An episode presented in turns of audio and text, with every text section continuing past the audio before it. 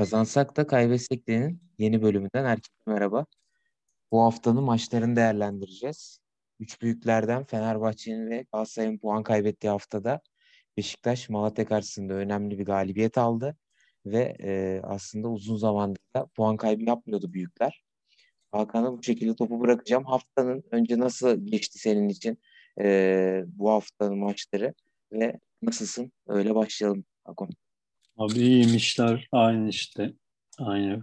Hayatımız bir rutine bağlandı. Devam ediyor bildiğin gibi zaten. Değişiklik yok. Geçenki günümüz de aynı. Biliyorsun zaten. Abi haftaya gelecek olursak da yani haftanın bir kere zaten kazananı Beşiktaş yani bu bir aşikar. Bayağı açık ara Beşiktaş. Yani Beşiktaş kendi haftaya girerken biz yorumlarken maçları demiştik ki mesela en zor maç Beşiktaş'ı demiştik. Beşiktaş kazandı. Galatasaray kaybetti. Fener berabere kaldı yani. Yani bizi de şaşırttı büyükler bu hafta. Geri kalan maçlara bakacak olsak bence diğer, bir önceki haftaya nazaran daha keyifli bir hafta geçirdik. Yani maçlar genelde güzeldi genel hatlarla. Büyüklerin maçları da güzeldi. Yani ben beklediğimiz de oldu genelde 2-3 maç dışında. Yani yorumlarımız hemen hemen isabetli oldu. Değindiğimiz oyuncular olsun, değindiğimiz maçlar. Bence iyi kötü yani bir güzel tahminlerde bulunduk. Bence fena bir hafta değildi. Seyirci zevki üzerinden bakacak olursak iyi bir haftaydı. Yani sen ne düşünüyorsun bilmiyorum ama bence öyle. Senin görüşlerin abi sen ne düşünüyorsun bu hafta hakkında?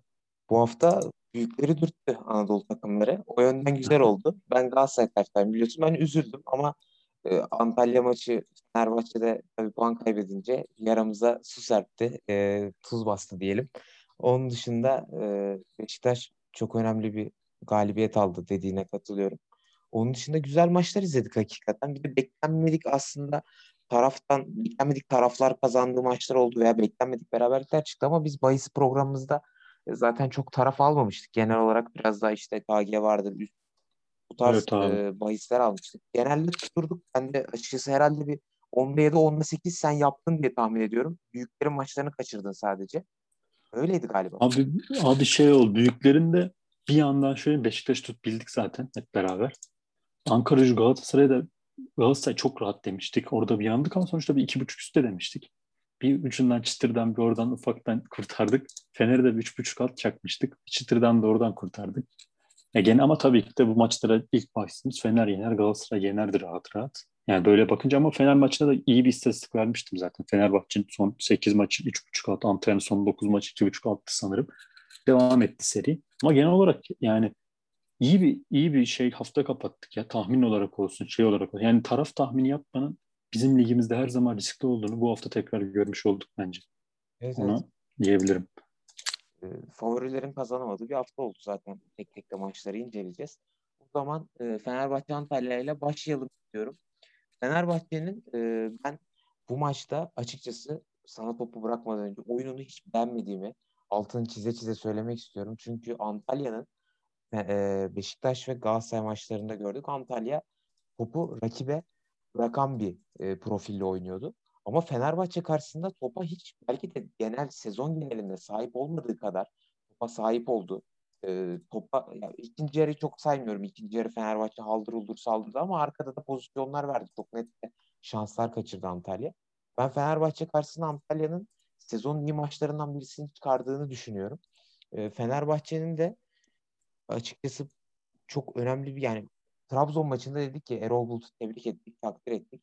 Ama şu an çıkan 11'i çok aslında 11'e de gelelim istiyorum ama orada sana bırakacağım sözü tekrardan. Değişiklikler yapmış. Filip Novak'la başlamış. Onun dışında e, Ozan'ın düşüşte olmasına rağmen Ozan'la devam etti Mert Hakan'ın cezasından dolayı. Belki İrfan girebilirdi. İrfan da çünkü etkiliydi. E, özellikle ikinci yarı girdikten sonra oyuna. E, Gökhan Gönüllü iyi bir maç çıkarmıştı fakat e, Gökhan Gönül'le devam etmek istedi hoca ama Gökhan Gönül'ün özellikle Antalya'nın akın akın geldiği bu kontralardan geldiği pozisyonlarda çok zayıf kaldığını gördük Gökhan Gönül'ün kademelerde. Onun dışında Samatta ile başladı aslında ama Metyam'ın e, Mametyam'la başlamayı tercih etmedi. Samatta ile başlamasının da şöyle bir iyi yanı olduğunu düşünüyorum. Fenerbahçe'nin pas oyununu tamamlayan bir oyuncu olduğunu Samatta'nın. Ama Samatta'nın bitiriş noktasında ve o gol sezgisi senle de konuşmuştuk. Tiam'da var. Samatta da yok demiştik. O gol sezgisi olarak çok zayıf olduğunu düşünüyorum. Ee, bir de istikrarlı bir forvet oyuncu olmaması da açıkçası Fenerbahçe zarar verdiğini düşünüyorum. Da gol yollarında. Pelkas yine iyiydi maçta. Zaten e, onun hücum aksiyonları da çok bulunduğunu gördüm. Onun dışında Freddy'nin hatadan gelen Tisserand'ın bir golü vardı. Erken bir gol buldular e, Antalya tarafı. Ondan sonra golü çıkarmak için uğraştı Fenerbahçe bütün maç. Ama yine gel gelelim ki istikrarlı bir oyun neticesinde atılan bir gol değildi. Tamamıyla Fener Valencia'nın bireysel yetenekleri neticesinde bulunan bir golle beraberliği buldular. Penaltısıdır, o sudur, bu sudur. Onları sana atacağım topu. Onları da merak ediyorum yorumlarını. Ben çünkü bu konularda biraz daha e, tam göremiyorum pozisyonları hakkında ne olabileceği hakkında. Sana bu şekilde vereceğim. Biraz dağınık verdim. Kusura bakma abi. Sen toparlarsın. Abi maç maçta dağınık bir maçtı zaten yani. Senlik bir durum yok. Maç gerçekten çok dağınık bir maçtı bana kalırsa. Ya Antalya'da 3-4 gol de atabildi çok rahat. Fenerbahçe neredeyse maçı da kazanıyordu. Yani çok değişik bir maçtı. Hele ki bu kadar Antalya otobüs çeken bir takım olduğundan bahsetmişken bu kadar ya bence keyifli bir maçtı her şeyden önce. Yani her ne kadar bir Fenerbahçe taraftarı izlerken keyif almamış olsa da bu maçtan bence kesinlikle keyifli bir maçtı bu.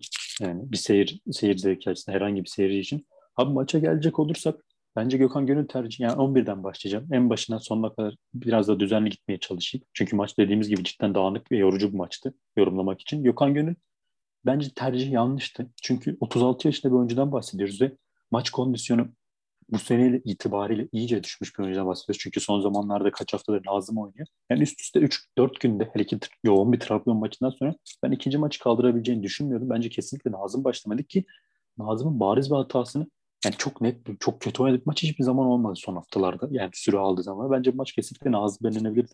Samat'ta konusuna gelecek olursak da ben biraz Erol Bulut'un şöyle bir hataya düştüğünü düşünüyorum maçta. Yani biraz daha rahat bir maç ol, olarak baktığını düşünüyorum maç, maçtan önce. Bu yüzden Samatta'yı da sürelim. Belki bir gol atar Samatta'yı kazanırız. Çünkü bildiğim kadarıyla sene sonunda hmm, Samatta'nın bonservis mecburi Fener alacak 6 milyon euro.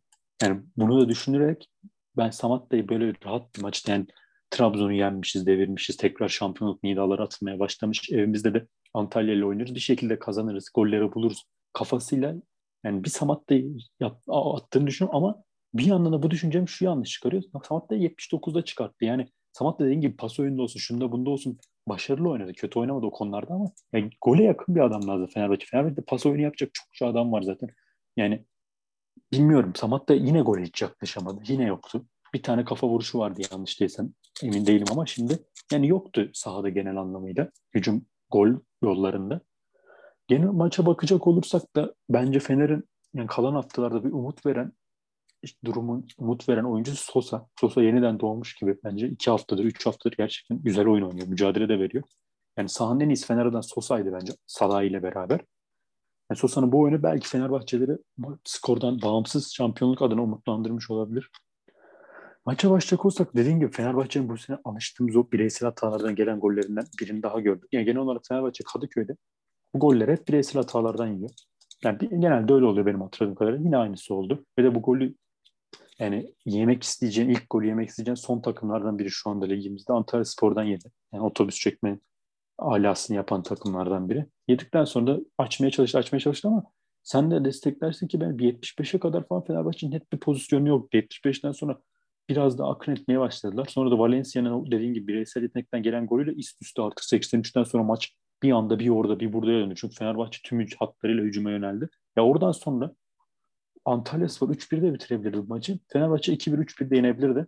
Penaltı noktalarına gelecek olsak da ben kesinlikle Antalya iki penaltısında penaltı olduğunu düşünüyorum. Neden verilmedi şaşırmış, şaşırdım yani. Ya sadece bir art niyetle de şey yapmak, şey yapmak istemiyorum bunu. Hakem bir art niyeti vardı gibisinden bir yorumlamak istemiyorum. Çünkü gitti. Öyle bir hakem amacı olsa 90'daki Pelkas'ın penaltısını vermişken Vardan gidip geri de döndürmezdi ama bir Antalya'nın hmm, orada Hamilton'un kimin müdahalesiydi Hamilton'a? Sanırım Novak'ın müdahalesiydi. Şimdi yanlış olmasın ama Novak'ın bir hafif bir çelmesi vardı. Evet. Bir penaltı çalınmadı. Bir de 90'a doğru bir korner vuruşunda şey hmm, Altay Veysel Sarı formasından çekiyor. Bu da bariz bir penaltı. Hakemin orta hakem görmesi doğru ama varın görüp direkt uyarıp penaltı vermesi gereken pozisyon. Zaten maçtan sonra sosyal medyada çokça yankılandı bu gol. Ama bu penaltı özür diliyorum. Ya maçın geneline bakacak olursak Fenerbahçe yine dengesiz bir Fenerbahçe oynuyordu. Yani geçen hafta diyoruz ya Trabzon'u yenmişsin. iyi bir oyunla yenmişsin. Senin de dediğin gibi Erol Bulut dedik, takdir ettik. Herkes, tüm Fenerbahçe'ye tekrar Erol Bulut'a yükseldi.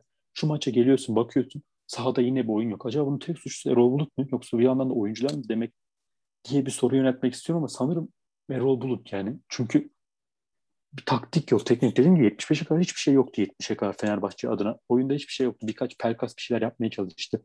Yani Sosa biraz bireysel mücadele etti. Ya Özil Özil biraz iyice etkisiz kalmaya başladı. Bu da bence ya Özil biraz şey bir sistem oyuncusu. Sistem oyuncusunun en iyisi. Ama olmayan bir sistemde de takımı kurtaracak bir bireysel bir yıldız değil yani Özil. Bunu da biraz gösterdi. Ne kadar ne kadar dünya yıldızı olsa da tüm, tüm Türkiye bunu göstermiş oldu. Ben bir gelip de bir yıldız olarak bir takımı kurtaramam diye. Çünkü adam dört maçta yokları oynuyor bizim tabirimizde. Çünkü bir sistem yok ortada. Bireysel de çok fazla bir şey yapabilecek bir oyuncu değil. Ama kaçırdığı gol hakkında ne düşünüyorsun? Lafa abi kaçırdığı gol yok doğru bir noktaya değindin. Teşekkür ederim. Unutmuştum. Abi kaçırdığı gol hakkında yani bilmiyorum ya. Çok bir yandan şanssız demek. Yani başta ben de maçı izlerken çok şaşırdım bir kaçırdığını. Ama sonra şanssız yani direğin dibinden gidiyor. İyi de bir vuruş yani. Ama o kadar etkili bir vuruş yapmasına da gerek yok o pozisyonda. Yani Fenerbahçe'de muhtemelen kızdı ya da bizim şaşırdığımız nokta o. Yani müthiş bir vuruş yapıyor ama sanki kalede kaleci varmış gibi. Yani kalede kaleci olsa bile o top bir böyle 20 santim sola gitse hiçbir kaleci kurtaramaz o hızda ve oraya giden topu ama kale, zaten kalenin yarısı boş ayağına geldiğinde. Şaşırtıcı yani. Bilmiyorum abi dedim. Yani Türkiye gelince de acaba oyuncularda baskı mı oluyor gittikçe? Yani Özil'in şeyi de olduğunu düşünmüyorum. En azından şu an kafasının en azından şu anlık futbol oynamakta olduğunu düşünüyorum. Çünkü çabalıyor, uğraşıyor. Yani bir şeyler yapmaya çalışıyor. Ama bilmiyorum dediğin gibi o pozisyonu sen, senin de yorumunu almak isterim. Şaşırtıcı bir pozisyon ya. Bir yandan şanssız bir yandan şaşırtıcıydı abi. Yani bence yani hani neleri atmış bir adam kariyerinde. Ama yani tabii ki bu gol bu vuruşun bir açıklaması olmaz. Hani dediğin gibi ayak içiyle topu çevirerek çok düzgün vuruyor. Penaltı atar gibi vuruyor. Önünü aldıkça hani tamam hani pozisyonu çok büyük de bir anlam yüklemek istemiyorum ama hani abi kesinlikle atman gerekiyor onu. Çünkü geridesin abi. ve devreye gireceksin. Atman gerekiyor yani. Evet abi doğru diyorsun kesinlikle. Abi bilmiyorum ya Antalya bir de kısacık da Antalya yönünden değerlendirmek istiyorum. Bence Antalya şu 11'ine bakacak olursak forvetleri yok. Özellikle Yahovic'i de yolladıktan sonra şu an santrofor olarak ama bir şekilde bu takım yenilmiyor. Ersunal bence iyi bir sistem kurmuş durumda. Yani elindeki en azından. Her ne kadar göze çirkin bir futbolda olsa da bu maç özelinden bahsedeyim. Maçı dışarı itiyorum. Çirkin bir futbol gibi gelse de sonuçta puanları topluyor. Şu maçta yani kontra atak futbolu bence gayet güzel oynadılar. İkinci yarıda dediğim gibi bir Gökdeniz'le Salah'ın mükemmel çıkardığı bir top var. Gökdeniz Altay'ı çalımlıyor, boş kaleye vuruyor. Salah geriden çok uzun bir depar atıp çıkarıyor topu. Evet. Bir tane de son dakikalarda çok net Podolski'ni kaçırdı var. Ben, ben çok şaşırdım. Yani Mesut İki'den çok çok daha net bir pozisyon. Ve Podolski yani hiç sıradan bir oyuncu değil. Orada kaleye sokar yani o topu. Fileleri de yırtar. Beklenen de oydu bir pozisyonu vardı hatırlarsan. Podolski doğru çıkardı. doğru abi o da çok netti. Çok netti. O da çok netti. Yani Podolski'nin bir yaklaşık bir 3 metre falan gerisinden Doğukan'ın pozisyonda sanki. Birebir benzer pozisyonlar. Evet. Podolski biraz daha kalenin içindeydi. Doğukan biraz da penaltı noktasında gibiydi sanki. Yani çok şaşırtıcı bir maçtı ya. Fenerbahçe günün sonunda yani şöyle bir Fenerbahçe bir objektif şu maça bakabilirse kesinlikle bir puana bence teşekkür etmesi lazım. Sen yani çağırdın yani şükretmesi lazım desem daha doğru. Sen ne düşünüyorsun abi maç sonucu maç sonucu maçın hakkı ne olduğu hakkında? Bunu tam dediğini maçı izlerken son dakikalarda uzatmalarda düşündüm. E, maç kimin hakkıydı acaba diye. Hani skor yorumculuğu da yapmak istemiyorum ama galiba maçın hakkı ne ki ne Fenerbahçe'nin de ne Antalya'nın da. Çünkü dediğin gibi oyun Fenerbahçe'ye döndüğü kısımlar da oldu. Ama Antalya'nın yakaladığı pozisyonların netliğini Fenerbahçe yakalayamadı. Hani tabii ki kontradan buldular. De Fenerbahçe bunu şuna bağlıyorum. Biraz bunu da sana yöneltmek istiyorum bu soruyu. Fenerbahçe tamam. e, acil durum butonuna çok erken basmadım abi. 45. dakika devre bitti. İkinci yarı direkt böyle acil durum butonuna bastılar. Tüm hatlarıyla savunmayı tamamen bırakarak e, öbür taraftalardı ve bence Hamilton ve Gökdeniz biraz daha dikkatli olsaydı, bak biraz daha dikkatli olsaydı belki de 2-0 3-0'a gidebilecek bir maçtı. Kesinlikle buna da katılıyorum abi. Yani ama Fenerbahçe'de bu erken biraz o bu erken acil yani acil gol bulma butonuna basılmasının sebebi artık Erol Bulut da şey hissediyordur muhtemelen. Yani o da sonuçta bizim gibi insan internete giriyor bir şeyler okuyor. Sosyal medyayı takip ediyor. Yani bir topun ucunda olduğunu iyi kötü hissediyor. Tabii Ali Koç'la aralarındaki diyalogları bilmiyoruz ama Yani o da o stresi bence her maç hissediyor. Her geri düştüğü maç, Göztepe maçında olsun, Trabzon maçında o her golü bulamadığı dakika olsun. Bu maçta işte aynı muhabbet. Yani o da hissettiği için o da aslında Fener'in de en büyük sıkıntıdan biri zaten başında geliyor. Başında Erol Bulut işte. O sakinliği yakalayamıyor dediğin gibi. Yine doğru bir bence de doğru bir nokta. Yani biraz da akıllı oynasalar. Yani Antalya 1-0'a yatayım değil de bir tık daha ben o maçın başındaki kontrol oyunumu sisteme sadık kalayım dese, taktiğe bağlı devam edeyim dese dediğin gibi 2-3'ü bulup maçı hiç sonlara bırakmadan yani bir Fener'i bozguna, bir Malatya bozgununa uğratabilirdi. 3-0 bitmişti sanırım o maçta. Evet. İlk yarı. Bir benzeri benzeri bir maç çıkabilirdi ortaya. Fener bilmiyorum yani hala şampiyonluğun içindeler kesinlikle. Yakında Beşiktaş maçları var. Ne olacağı hiç belli olmaz. Bakarsın Fener yine çıkar. Beşiktaş'ı bir devirir. Tekrar şampiyonlukta bu sefer Beşiktaş'ın önüne geçer Fener. Ha, Fener'in ne yapacağını hiç kimse kestiremiyor. Yani hiç kimse kestiremiyor kesinlikle. Siyahla beyaz gibiler. Trabzon maçında oynadıkları oyuna bak. Bizi şaşırtan taktiğe yani oyun taktiğine bak. Sahadaki duruşa bak. Bir de bu maça bak yani. Bilmiyorum. Garip garip bir Fener var. Yorumlayamıyorum bazı konularda Fener'i. Yani. Evet. Fener üzerinde çok konuşuyoruz. İki Hı-hı. haftadır. Yine konuşacağız muhtemelen. Devam edeceğiz konuşmaya ama yani çözemiyoruz da. Konuştukça da çözemiyoruz bence Fener'i. Hakikaten dediğin gibi çok istikrarsız. Bunun da ben sebebini açıkçası belirli bir oyunun olmamasına bağlıyorum. E, çünkü Beşiktaş öyle değil. Kötüyken bile kazanabiliyor. Çünkü bir planları var ve bu plana sadık davranıyorlar. Galatasaray kaybederken bile ben açıkçası ya düşüşte olsa bile bir plana sadık bir oyunu olduğunu görüyorum. Ee, tabii ki Galatasaray'da geleceğiz. Onlar da çok büyük düşüşte. Fakat Fenerbahçe'nin durumunu açıkçası hepsinden bir tık daha kötü de görüyorum. Önlerinde bir Beşiktaş maçı var. Beşiktaş maçları kalmasaydı ben açıkçası şampiyonluk yarışında e, hani Beşiktaş maçı olmadan Beşiktaş'la aralarında 5 puan olduğunu gibi düşünelim. Hani Beşiktaş'ın eksik maçında 3 puan sayalım. Ben açıkçası şampiyonluk yarışından koptuğunu düşünüyordum Hakan. Sence? Abi katılıyorum ya. Beşiktaş maçı Fener için bir fırsat. Şimdi tekrardan bir fiksüre baktım. Haftaya Fener Konya Spor deplasmanına gidiyor. Konya genelde Fener'e ters gelebiliyor. Bir de İlhan Palut'ta da bir çıkış yakaladılar. Bakalım Fener'in artık 3 hafta önümüzdeki 3 hafta şampiyonluğu bırakacak mı yoksa tutunacak mı? Yani o kırılganlığı yapısının tam sahaya vurup ben işte kırıldım, bittim artık havluyu attım mı diyecek yoksa yola devam mı edecek? Bu 3 hafta göreceğiz. Konya deplasmanı. Sonra evinde gençler bir nispeten kolay bir maç. Sonra tekrar Beşiktaş deplasmanı. Yani dediğin doğru bir nokta. Beşiktaş maçı belki onları tekrar bir ayağa kaldıracak bir nokta olabilir. Öyle özellikle haftaya Konya yenerlerse tekrardan bir şey yapabilirler. Yani vites ileri atabilirler. Bir moral bulabilirler, motivasyon. Bir de dediğim gibi şimdi İrfan da geri döndü. Bu belki Fener'i olumlu etkileyebilir. Şimdi Özil sakatlandı. Sakatta ciddi gibi duruyordu. Çünkü seviye falan istendi. Tekrar sakatlandı gibi oyuna geri dönemedi. Her ne kadar Özil son haftalar çok büyük bir etki yapmasa da bence Özil'in sahada olması gerekiyor en azından Fener için. Olması iyi bir şeydi. Bir. Yani çok söyleyen bir transfer yapmışsın. Bu adamı hemen sakatlanması biraz takım içinde moral bozukluğuna yol açabilir ama Şimdi İrfan'ın da Özil'in sakatlığıyla eş zamanlı dönmesi Fener için bir şans oldu. İrfan muhtemelen Mert Hakan da döndükten sonra orta üçlü Sosa, Mert Hakan, İrfan denenecek gibi geliyor. Yani Ozan da kesilecektir doğal olarak kötü performansından dolayı. Buradan bence Fener tekrardan bir güzel oyun ortaya çıkabilir. Çünkü bireysel olarak bakınca hepsi Mert Hakan biraz da dışarı atıyorum ama Sosa ile İrfan Can ligimizde kendini bayağı çokça göstermiş. Çok kaliteli ayaklar. Yani çok güzel oyun kurabilecek ayaklar. Yani bilmiyorum. Gerçi Fener'in her oyuncusu böyle ama ya tekrardan Fener bir dirilebilir buna. Çünkü ben Sosa'yı tekrar bir yeni transfer gibi görüyorum. Son üç hafta tek bir kendi Sosa, esas Sosa oldu. Şimdi Ozan gittikçe düşüşe geçti. Geçen haftaki Mert Hakan bizi memnun etti. Ondan önceki haftada mücadelesi yine iyiydi. Yanlarında Mert Hakan bir de yeni gelmiş bir İrfan Fener'e bir taze bir kan olabilir.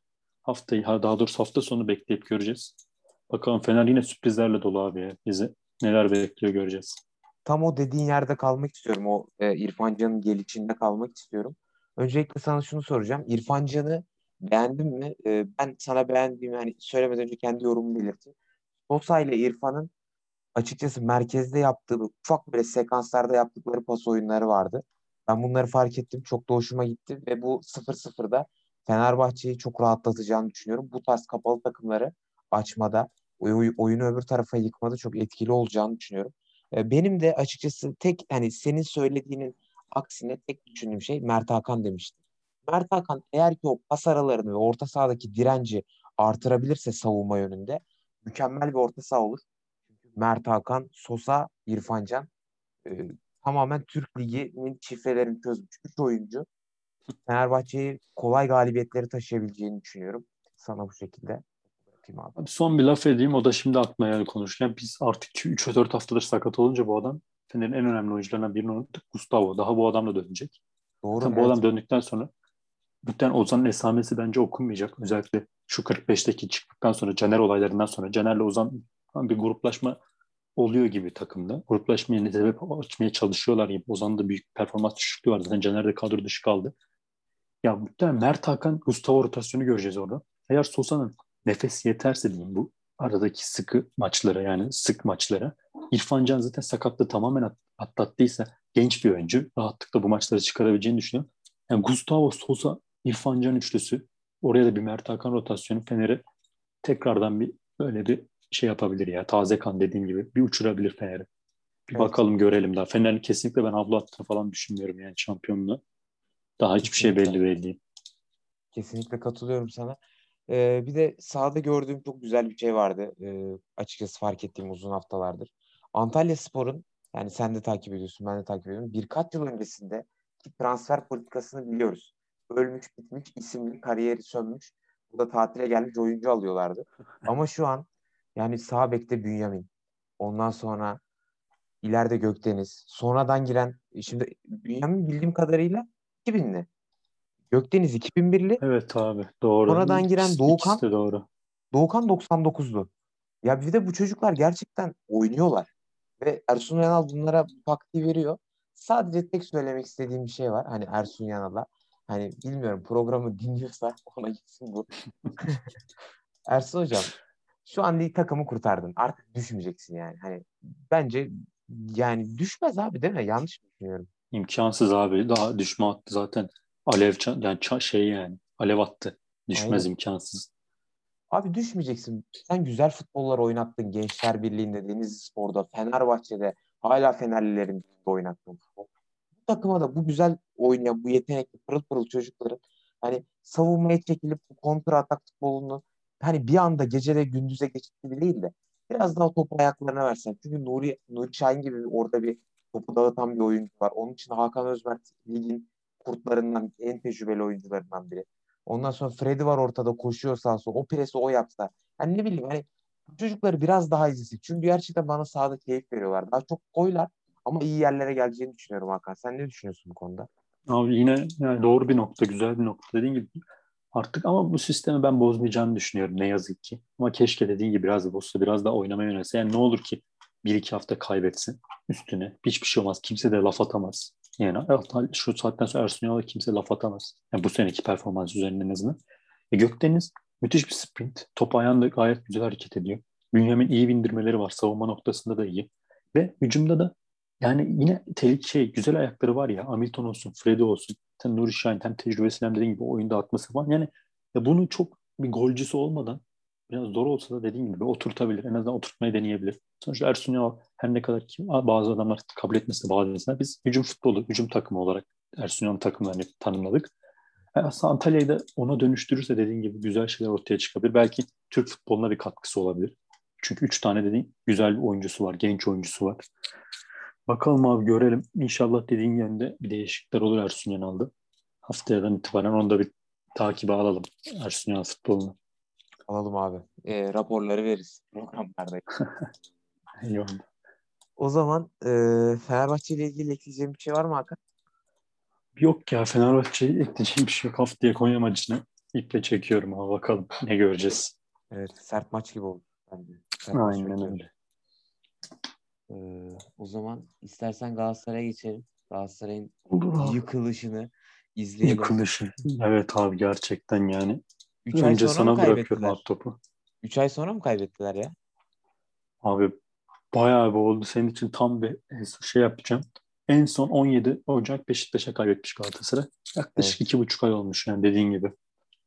Yani e, açıkçası ben hakeme vesaireye girmek istemiyorum çok fazla. Çünkü şunu yani Abdurrahim Albayrak gibi bu futbol ne Türkiye'de adalet yok.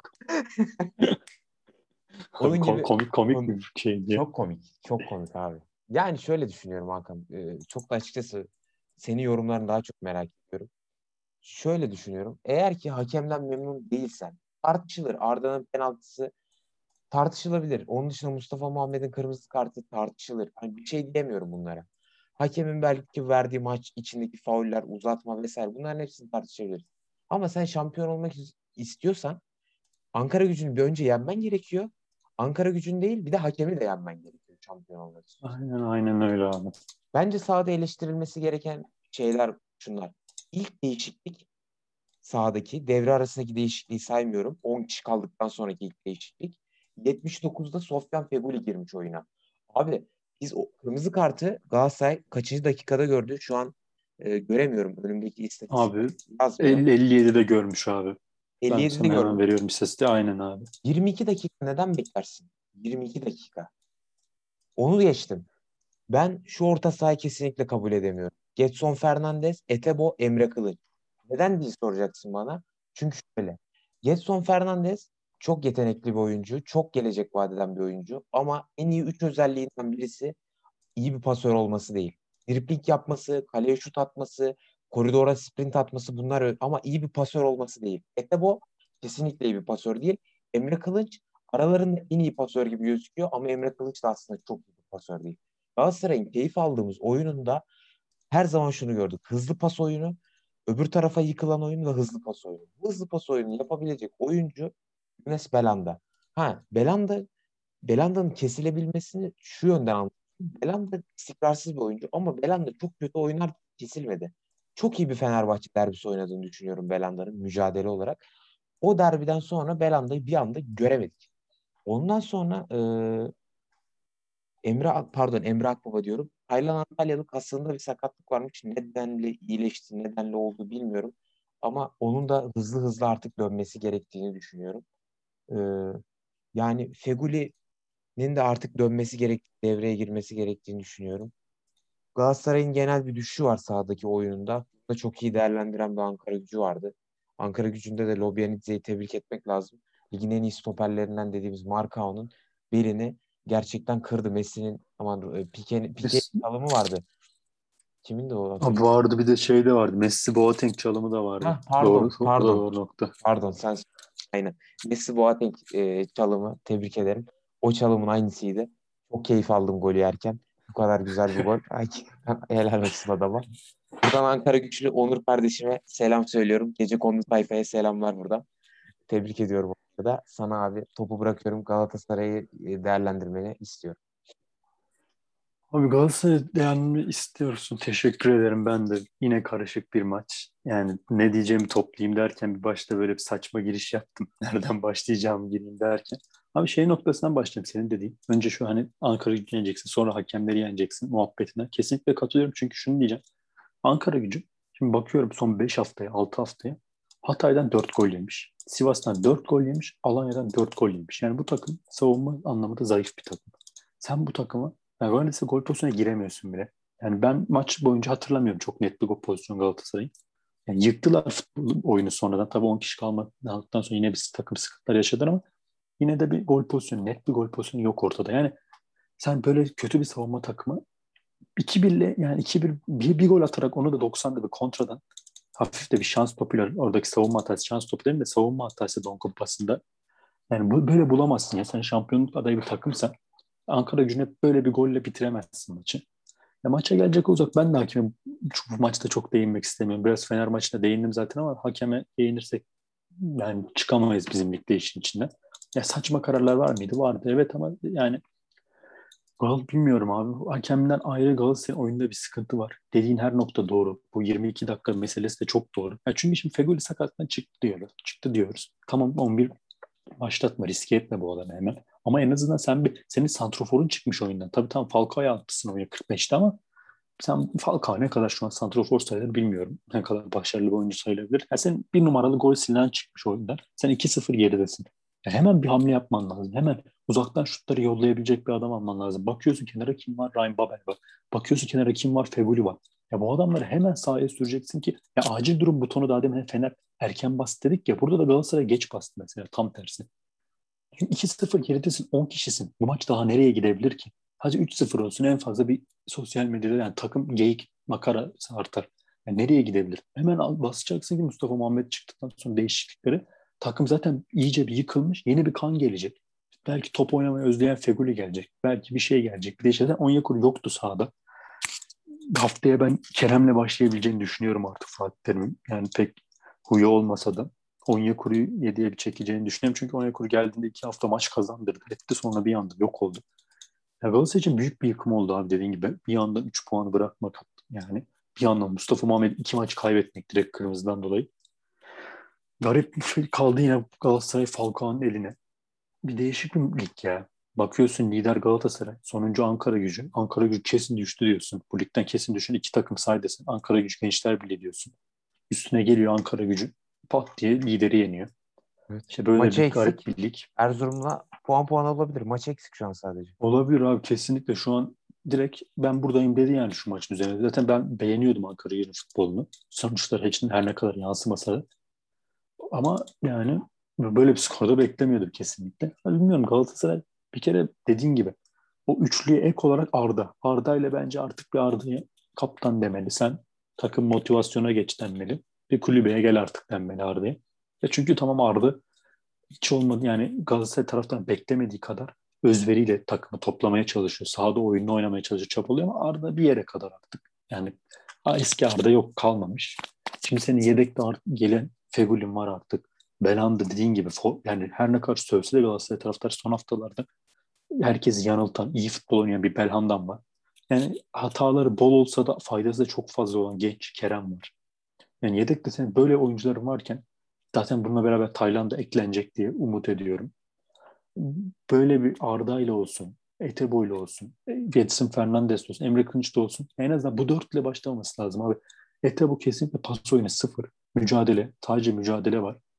Böyle bir adam. Getson Fernandes lige pek hakim. Yani bizim Türkiye'de böyle bir klişe var ama doğru da klişe. Ligi bilmesi lazım klişesi. Getson Fernandes direkt şampiyonluk yarışında olan bir takımda hele ki genç bir oyuncu olduğu için sahaya süre, sürecek bir oyuncu olmadığını hemen hemen bence gösterdi biraz. En azından 11'den sürecek bir oyuncu olmadığını. Bu da eşikleri Fatih Terim de kendi gör, göreceğini düşünüyorum. Bir şeyler yapması lazım Fatih Terim'in artık. Yani garip Galatasaray'ın dediğin gibi durumu biraz sıkıntıda abi oyun olarak. Kaliteli bir oyun yoktu maç. Hiç yoktu. 11'e 11 kendi. İşte 2-0'dan sonra o kırmızı kart gördükten sonra da bakalım abi ne olacak bilmiyorum ya. Lig iyice karıştı. Hem aşağıda hem yukarıda iyice karıştı lig. Kesinlikle. Ya biraz Ankara gücüne geçelim istiyorum. Çünkü Ankara gücü çok disiplinliydi. Hikmet Hoca geldikten sonra e, çok şey veriyordu, umut veriyordu ama galiba Hikmet Hoca'nın da ilk galibiyeti. E, yanlış bilmiyorsam. Yanlışsam beni düzelt. Doğru An- sanırım abi. Doğru diyorsun. Galatasaray maçı ilk galibiyeti. Vallahi ilk olarak şundan başlamak istiyorum. Gal- e, Ankara gücünün galibiyete Geraldo Ömer Bayram eşleşmesinden başlamak istiyorum net bir şekilde üstünlerdi. Geraldo Ömer Bayram eşleşmesinde. Onun dışında Onyekuru Kitsiyu eşleşmesi kesinlikle Kitsiyu'nun üstünlüğüyle tamamlandığını düşünüyorum. Çok yani zaten Ankara gücü tayfa Kitsiyu'ya Yunan Savunma Bakanı diyorlar. Hani oradan bir arkadaşım var söylüyor bana haberleri veriyor. Sağ tarafı inanılmaz güçlüydü Ankara gücünün. İlk yarıda zaten tamamıyla sağ taraftan akınlar yaptılar. İkinci yarıda zaten golü de bulduktan sonra iyice üstüne geldi. Ondan sonra Lobyanidze en büyük yeteneği olan hızlı koşular ve çabukluğunu konuşturdu. İkinci gol Sonrasında anlamında verdiği durum. Ha bir de şuna e, parantez açmak istiyorum. Alper Potuk inanılmaz bir maç çıkardı. Yıllarca Fenerbahçe Galatasaray derbisi oynadı. Bu kadar iyi oynadığı bir maç ben hatırlamıyorum abi. Sen ne düşünüyorsun? Doğru o konu doğru. Yani muhtemelen bir hırsla ekstra bir hırsla çıkmıştır bu maçı Alper Potuk. Yani sonuç olarak Fenerbahçeli olduğunu düşünüyorum bu adamın. Yani bir değişik Galatasaray'a bir hırsla anti Galatasaray şey taraftarla çıkmayacağım. Onun da etkisi olmuştur illaki.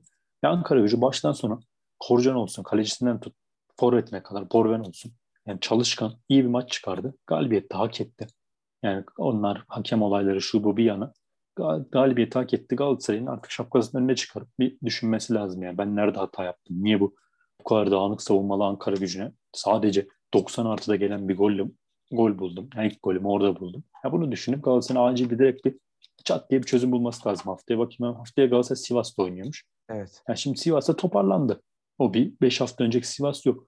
Yani şimdi artık yavaştan şampiyonun da düğümünün çözülmeye başlayacağı haftalara geliyoruz.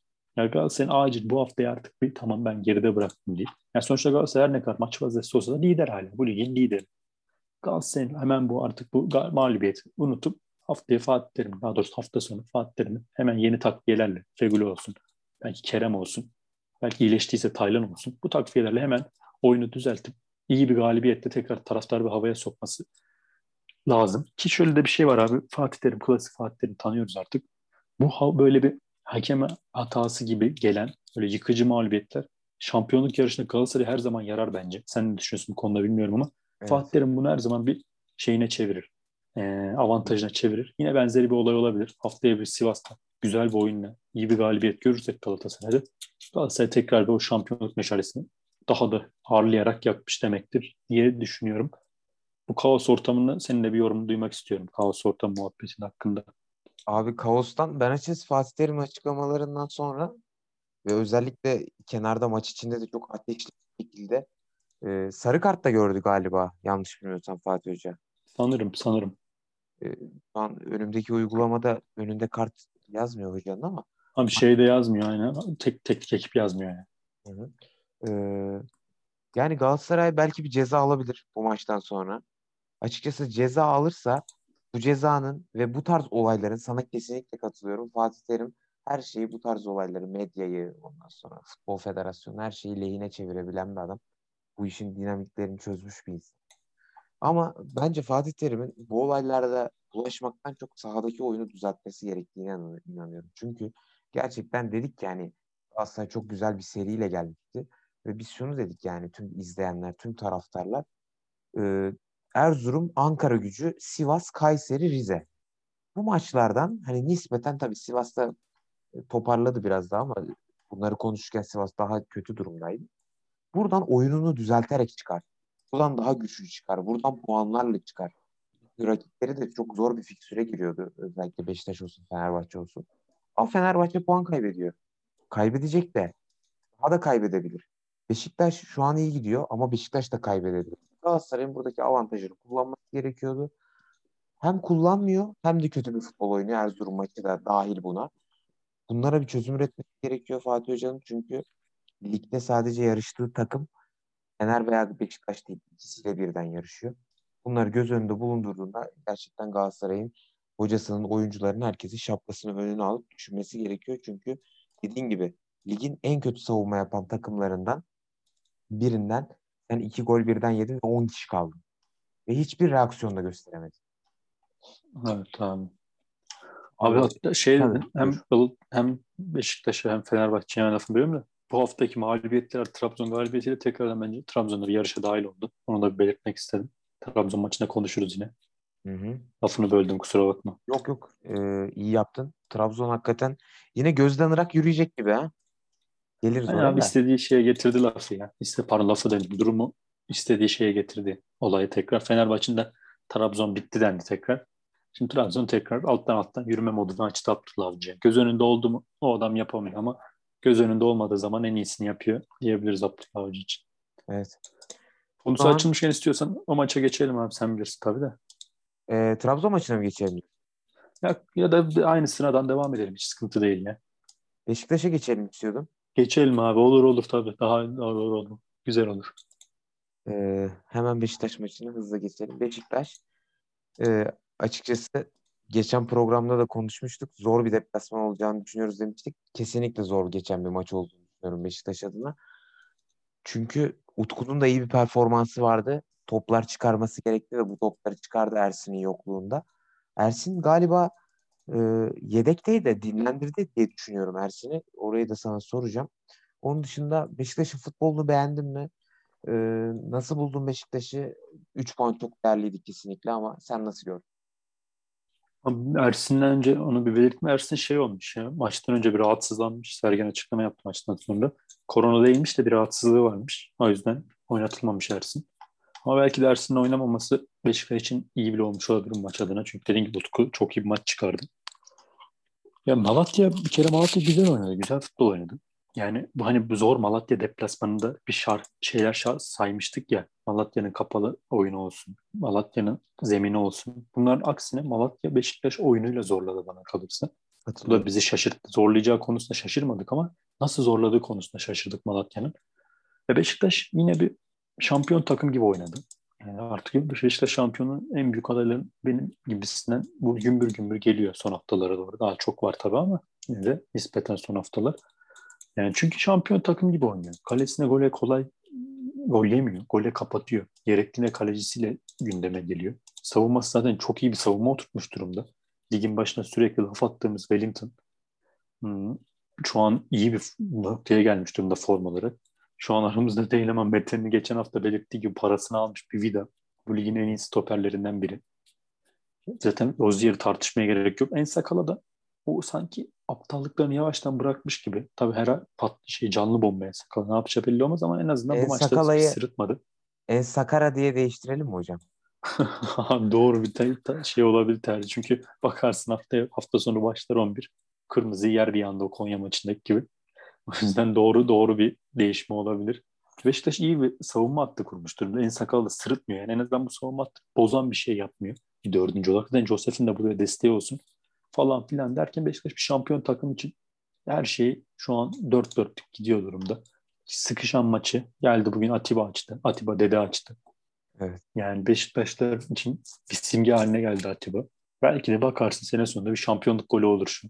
Yani çünkü şu maçta da berabere kalsaydı Beşiktaş havası çok farklı olurdu bu beraberliğin. Şimdi galibiyette özellikle rakiplerin puan kaybetmesi çok çok farklı bir galibiyet oldu.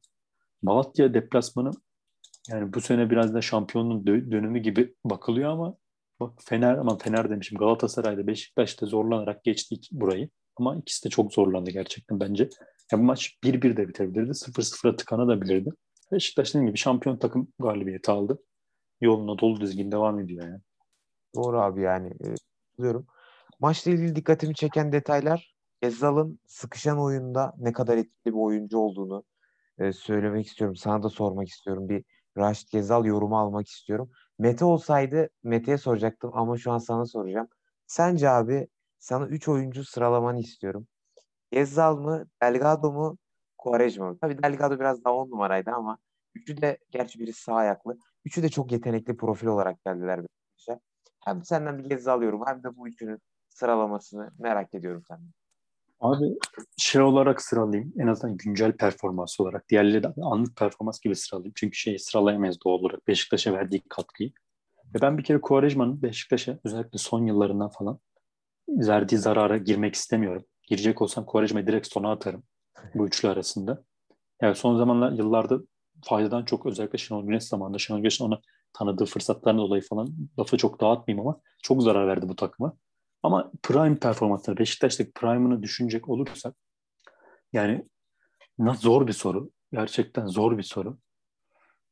Ya sanırım Avrupa performansıyla beraber bazı maçlarda kilit rol oynamasıyla beraber Quaresma'yı 1'e koyarım. Delgado'yu 2'ye, Gezzal'ı 3'e koyarım. Çünkü şimdi prime performans olsa da Gezzal'ın henüz bu iki adam kadar kilit açtı, bir şey yaptı maç. Yani var tabii ama bu adamlar kadar yok. Ya bir de dediğim gibi biraz karşılaştırması zor bir üçlü. Yani çünkü bir ikisi Beşiktaş'ın yıllara mal olmuş iki adam. Gezzal daha bu sezonun başına geldi. Çok büyük oynuyor ama sonuçta böyle bir karşılaştırması benim adıma zor oldu. O yüzden daha fazla uzatmadan topu sana atayım. Bu üçlü hakkında sen ne düşünüyorsun? Abi e, ben bunu sana sormadan önce iki gündür düşünüyorum. Cuma günü maçı izlerken aklıma geldi bu soru. Ama galiba ben e, Delgado'yu bire koyardım. Çünkü Delgado free kick de atabiliyor. Gerçi Quaresma da atıyor da e, hakikaten zor bir soru. Gezal'ı ben de sona koyarım ama üzülerek sona koyarım. Çocuk çok yetenekli ya. Kesinlikle abi. Yani yetenek olarak belki de sıralasak tabii yine Quaresma orada bire girer yetenek olarak ama Geza Delgado'yu bir arkaya atar. Çünkü Geza'nın ayakları çok yumuşak abi. O bilekler çok yumuşak, hassas bilekler. Ya Beşiktaş Gezzal'ın bonservisini sezon sonunda alabilirse kiralık diye biliyorum.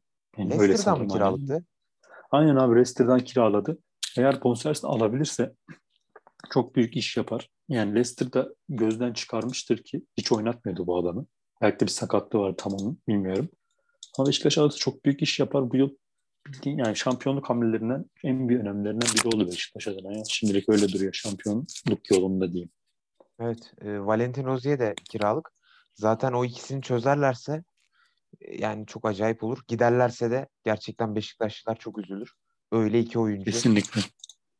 Hakikaten öyle. E, Wellington'la ilgili de şöyle bir benzetmem var. Bence Marcelo'ya dönüşmeye başladı. Yani şimdi Marcelo dersem haksızlık etmiş olurum. Çok abarttım ama ayağı pasları takımı e, hücuma çıkartma yönünde becerikli olduğunu düşünüyorum. Bir de hani e, Pep Guardiola'nın sözü var ya hücumu savunmanın e, bastığı yer savunmanın ayakları belirler diye. Bence Beşiktaş'ın savunmasının hücumunu da başlatan oyuncu Wellington olduğunu düşünüyorum. Sen ne düşünüyorsun? Doğru zaten Wellington Alanya'dayken gözde bir stoperdi. Fenerbahçeli adı bayağı bir zaman anıldı. Fenerbahçeli taraftarları da çokça istedi. Beşiktaş'a ilk geldiğinde bazı şanslıklarından, bazı kazmalıklarından olsun çok yerildi ama biraz artık bu clean sheet gol yememe serisiyle beraber yani güveni de gittikçe kendine güveni arttı. Yani bu büyük takımlara, özellikle küçük takımlara, büyük takımlara gelen oyuncularda bu güven problemi çok fazla oluyor. Yani gözlemlediğimiz kadarıyla ya anlık taraftar korkusu, şey korkusu. Bunu Mert Hakan da biraz yaşamıştık. Belki şu an yavaş yavaş atıyor olabilir. Mert Hakan bir iki güzel performansı. Tekrar Wellington'a dönecek olursa yani örnek vermek istedim. Ya Wellington'da aynı muhabbet geldi. Çok şanssız anlar yaşadı. Kazmalıklar yaptı, bir şeyler yaptı ama şu an performansı bir stabilize etmiş durumda. Dediğin gibi hücumu başlatan o ayak ayağı gayet düzgün. Fiziği çok sağlam. Ya Vida ile beraber İzbandut gibi savunmada çok sağlam duruyorlar şu an. Beşiktaş'a güven veriyorlar. Beşiktaş hiçbir şey kolay kolay gol yemiyor. Şu an ligin en zor gol yiyen takım kesinlikle Beşiktaş. Bunu çok net diyebiliriz. Bunun da baş mimarı tabii ki zaten Wellington, Vida, kale, kalede artık Utku ile Ersin ve de Joseph bence bana kalırsa. Yani Wellington'un müthiş bir performans var. Bu da Beşiktaş zaten yukarı çıkarıyor. Bakalım nereye kadar bu sağlamlıkta devam edecek. Bence bir stoper bir şey standart yakaladım. O standartı kolay kolay bozmaz. O yüzden ben Wellington'un bu sağlam oyununu yani sezon sonuna kadar Beşiktaş'ın bu savunmayı da götüreceğini düşünüyorum. Abi Beşiktaş zaten kaç haftadır gol yemiyor? 4 4 haftadır gol yemiyor ligde. Kupa maçı Ondan hariç. önce de abi bir 2-3 hafta yemişti. Yani seriler hep oluyor böyle Beşiktaş dediğim gibi 5 maç 6 maç gol yememe. Bir 3 maç gol yememe. Hep arada böyle bir seri yapıyor. İlk başta kötü oyunu bıraktı sonra hep bu seride dediğin gibi. Hı hı. Ee, ben de seninle tamamen aynı fikirdeyim. Bir de e, şunu soracağım sana. Ben bunu gözlemledim ama senin de yorumunu çok merak ediyorum. Atiba'yı maçta mesela çok hücum aksiyonlarında gördük. Biz Atiba'yı genellikle biraz daha savunma ön, öncelikli pas yapan bir oyuncu olarak biliyorduk. İlk yarıda iki tane pozisyona girdi ceza sahasında. Ceza sahasında kaç kere topla buluştuğuna dair bir istatistik göremiyorum ama ben galiba 4 veya 5 kere saydım. Ee, hoca orada Laiç'i değerlendirmedi. Laiç yedekteydi. Oğuzhan'ı değerlendirmedi. Mensah'ı değerlendirmedi. Yani ve Atiba'dan bu performansı, bu kadar hücum aksiyonu almak nitekim galibiyeti getiren golü de attı. Sen bu konuda ne düşünüyorsun merak ediyorum. Üç önlü böyle çıkması zaten Sergen'in maçtan önce çok tartışıldı. 11'ler açıklanınca Hutchinson, Joseph, Necip. Ama maçın galibiyeti getiren golü Atiba attı. Ya belki de maça 3 ön libero değil de bu 2 ön libero'nun yanında bir Laiç'le Oğuzhan'la ya da Mensah'la başlasa ki şu an güncel formlara göre Laiç'le başladı. Belki maç daha erken çözülürdü bir ihtimal ama Laiç'in de pek memnun edici bir performansı bizim gördüğümüz kadarıyla yok. Demek ki Sergen Hoca da çok beğenmemiş ki bu zorlu deplasmana öncelikle savunmayı garantiye alayım diye böyle bir üçlüyle çıkmış. Yani öyle de muhtemelen dediğin gibi bu üçlüyle çıkınca o oyun kurma, o hücumu yönlendirme, şey özel yani için ya da Oğuzhan ya da Mensah'ın yaptığı işleri Atiba'ya devretmiş ki senin dediğin gibi daha hücumda gördük onu. Daha aksiyonlara girdi. Daha ceza sahası topu aldı. Zaten golü de buldu. Yani, yani o Sergen yine buradan bir taktiksel taktiksel savaştan Sergen şey haklı çıktı, karlı çıktı. Haklı değil mi? Karlı çıktı. Doğru hamle yaptı. Yani ben yine maçtan önce böyle bir laf attık. Ben de laf attım. Üç ön libero olayına. Ama maçın sonunda yine galibiyeti getiren gol ve bir güzel bir hem savunmayı hmm, savunmayı sağlama aldı bu üç böyle dediğim gibi. Hem de hücumu Atiba'ya devretti. Atiba da her şeyi yapıyor Beşiktaş'ta. Sanki şey gibi, çakı gibi. Neydi o? İngiliz çakısı mıydı abi? İsviçre İsveç, çakısı mıydı? İsveç çakısı. İsveç, İsveç, İsveç. Her ülkeye dedim. İsveç çakısı gibi. Her şeyi yapıyor. İşte bu adam, aynen abi. Bu adama dedi ki sen 8 numara oyna. Hücuma çıkarken de 10 numara oynadı. Atiba da bunu yaptı. Hakikaten dede ama bu nasıl dede ya? Tonton bir dede de değil. Böyle acayip bir adam. Şaşırtıyor. O zaman abi üç büyükleri noktalayalım mı? Eklemek istediğim bir şey var mı? Abi yok ya. Hafiften dördüncü büyüye şey yapabiliriz yani. Aynen hızla istersen. geçelim. bahisimiz de tuttu galiba. Sen 3 alt Trabzon demiştin. Ee, üzmedi seni. Ee, şey son golü kim atmış ya? Unuttum valla. Bakaseta sattı abi. Evet Bakasetas üzmedi seni. Abi Bakasetas Trabzonları da üzmüyor yani. Yani değişik herif Trabzon'da gol makinesine dönüştü. Top onu bir şekilde buluyor. O golü atıyor. Yani geldiğinden beri golleri inanılmaz şey değil hiçbir golü. İnanılmaz yaratıcı, değişik bir gol değil. Ama her seferinde o kiliti açan golü o atıyor. Denizli'yi 1-0 yendiklerinde o attı. Bu maçta o attı. Antep'i 1-0 yendiklerinde yine Bakasete sattı. Kaç tane geldiğinden beri puan kazandı. Yani müthiş bir transfer. Görünürü de şu an 10 numara bir transfer gibi duruyor. Trabzon maça benim beklediğimden, yani 11'leri gördük. Terin de yoktu, Ozic de yok dediğimiz gibi ama Trabzon ama Kasımpaşa beklediğimden daha iyi başladı benim. Daha güzel hücum ataklarıyla başladı. Daha düzgün bir oyunla başladı Göztepe maçının nazara. Yani sonra da zaten ilk golü bir savunma hatasından yedi. Canini savunmadan topu kaptı. Golü öyle attı Trabzon ama sonra Kasımpaşa hücuma tekrar biraz daha attırdı hücumları. Sonra da penaltıdan Yusuf Erdoğan'ı golle buldu. Ki sen de Yusuf Erdoğan'ı zaten bir önceki programda değinmiştin, bir hatırlatmıştın. Evet. Hatırlattığın gibi de oldu. Penaltıdan da olsa. Yusuf Erdoğan golünü buldu. Abi maç yani genel olarak ilk yarı ortada bir maçtı bana kalırsa. Ama ikinci yarı itibariyle özellikle de devreye 1-1 girilmesinden sonra Trabzon ipleri biraz da eline aldı. Bir iki Kasımpaşa yine pozisyon buldu ama Trabzon çok net 2-3 gol pozisyonu kaçırdı. 2-3 gol pozisyonun üstüne artık dördüncüde Bakasetas biraz şanslı da yanında top önüne düştü gibi oldu. Vakayeme'den düştü ama biraz şanslı düştü. Üst dağlara astı topu. Galibiyeti getiren gol attı zaten 75'te 2-1'e. Yani galibiyete giden gol attıktan sonra da Trabzon kesinlikle gol yemeyecek bir takım konumunda şu an ligde. Sonra da yemediler. Maçı rolantiye aldılar. 2-1 bitirdiler. Tekrardan geçen haftayı bir attılar. Yani Galatasaray'ın bu hafta yapması gerekeni haftaya yapmasını beklediğim o atıp oyuna baktılar. Tekrardan ben şampiyon yarışında buradayım dediler. Şu an Galatasaray'la 6 puan fark var. Beşiktaş'ta bir maç eksik. 6 puan fark var. Ben Trabzon hakkında senin de görüşlerini almak istiyorum abi. Abi Trabzon e, Fenerbahçe mağlubiyetinden sonra gerçekten önemli bir galibiyet aldı. Beklediğimiz de bir galibiyet aldı. E, Valla Trabzon'u ben her zaman oyunu kazanabilecek potansiyeli var. Ligdeki her maçı kazanabilecek potansiyeli var. Bu Galatasaray için de geçerli, Beşiktaş'a karşı da geçerli, Fenerbahçe'ye karşı da geçerli. Abdullah Hoca geçen hafta kendisini eleştirdi fakat Abdullah Hoca 3-3 toplayacak gibi gözüküyor. Ya da Abdullah Hoca'nın her şeyden önce verdiği mesaj şu, beni kolay kolay yenemezsiniz mesajını bence ligdeki tüm takımlara veriyor. Şampiyonluk yarışındaki takımlar da dahil olmak üzere. Ben Trabzon için her şeyin yolunda gittiğini düşünüyorum. Zaten seninle de sohbetlerimizde konuşuyorduk. Herhangi bir aldığı noktada herhangi bir beklenti yok bu camiada. Şu an geldikleri nokta çok özel, çok kıymetli. Evet abi. Kesinlikle. Sana şunu soracağım. Pes etmeyeceğim Ab- mesajını veriyor dediğin gibi. Evet dinliyorum evet. abi. Abdülkadir Parmağ'ın dönüşünü nasıl değerlendiriyorsun? Ee, Flavio'nun kenara Flavio oynamadı. Ee, Boris Baker da koronadan döndü galiba.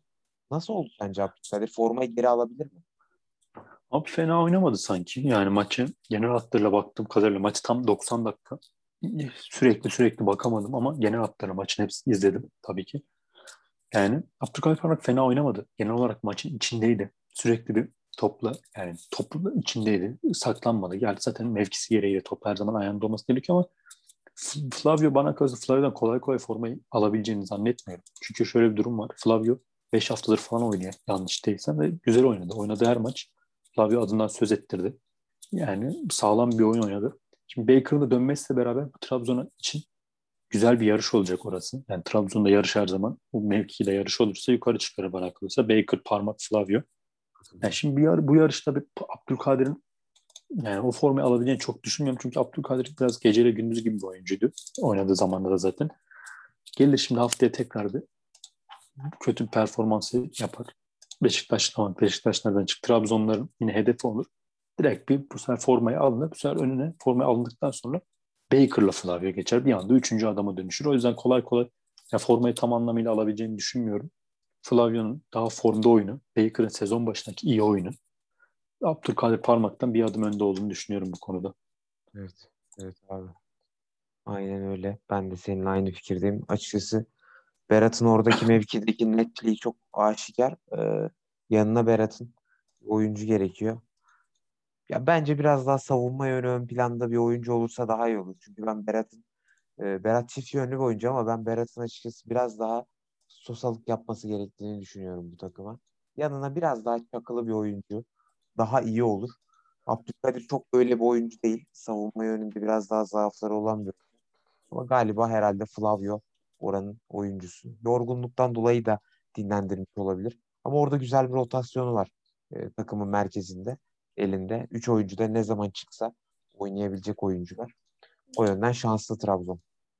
Kesinlikle diyelim, ve e, dört büyükleri tamamladıktan sonra bu haftanın açılış maçı bomba gibi başladı. Yani maçı izlerken ben bayağı keyif aldım özellikle dakikalarından. Gençler Birliği karşısında Gaziantep 10 kişi maçı çevirdi.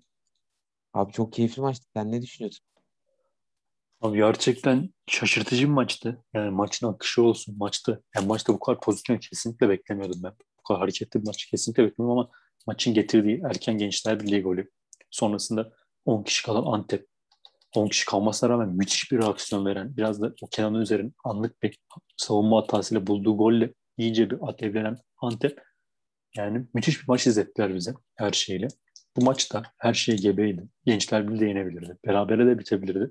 Her şey olabilir maçta ama Gaziantep ben oyuncularını kutlamak istiyorum maçta. Özellikle 10 kişi kaldıktan sonra müthiş mücadele verdiler. Çok koştular. Yani özellikle Olkowski, Güray Vural sağ sol müthiş sürekli bindirdiler döndüler. Bindirdiler döndüler, döndüler. Müthiş oynadılar yani. yani bir, bir futbol şöleniyle başladı ilk hafta ve de beklemeyeceğimiz özellikle Şumidika sonrası Antep'te yani Gençler Birliği'nden beklemeyeceğimiz bir maç oldu. Bayağı keyifli bir maçtı. Bu Gençler Birliği'nin hücumundaki oyuncu, yeni transferleri Sandro Lima biraz daha ayağı olan bir adam olsa 3 gol atardı maç Gençler Birliği. Çok kaçırdı. Çok fazla gol kaçırdı. Yani Gençler Birliği bu maçta 1-0'dan 10 kişiye karşı 2 gol yedikten sonra artık bence yani bu ligde kolay kolay bir şey denmiyor. Bunu bize her seferinde yediriyorlar laflarımızı ama artık düş, düştüğünü iyice tescilledi yani. Yani artık moral de kaldığını ben fazla düşünmüyorum oyuncularda. Moral, mücadele edecek yani mücadele edecek güç, herhangi bir motivasyon kaldığını düşünmüyorum. Bundan sonra ben düşmeyi tescil edildiklerini düşünüyorum. Sana bırakıyorum lafı. Abi dediklerine tamamen katılıyorum. Ee, ben çok sinirlendiğim bir nokta var. Bunu belirtmem lazım. Kevin Mirallas Abi gerçekten... tam sen sinirlendim dediğin anda anladım bunu diyeceğini. Devam et dinliyorum abi. abi yani kariyeri ortada Mirallas. Everton'da yaptıklarını biliyoruz. İşte Olympiakos'ta yaptıklarını biliyoruz. Belçika milli takımında oynadığı yıllarca. Yani bir de bu takımın bayrak oyuncusu olarak geldi. Hani şu an ne kadar Alexander Mak gibi konuşsa da konuşsak da Mirallas çok daha yüksek profil olarak geldi bu takıma. Ama yani o yaptığı hareket yani çok cani yani şeyce e, açıkçası canice yani bence bir insan aya- yani öyle bastı bir futbol bir rakibin ayağına. Kimin ayağına bastı? Furman'dı galiba. Furman'ın ayağına bastı. Tam hatırlamıyorum ama. Sanırım aynen abi sanki. Bir de açıkçası kaç haftadır maça bakıyorum. Gaziantep maçlarına bakıyorum. Çok sinirli. Geçen e, şeyle kavga etti. Envakeme ile kavga etti Trabzon maçında. Ondan önce geçen hafta başka bir oyuncuyla tartıştı. Yani liderlik yapması gerekirken liderlik yerine başka şeyler yapıyor ve bir tane e, maçı hatırlamaya çalışıyorum. Hemen çok pardon.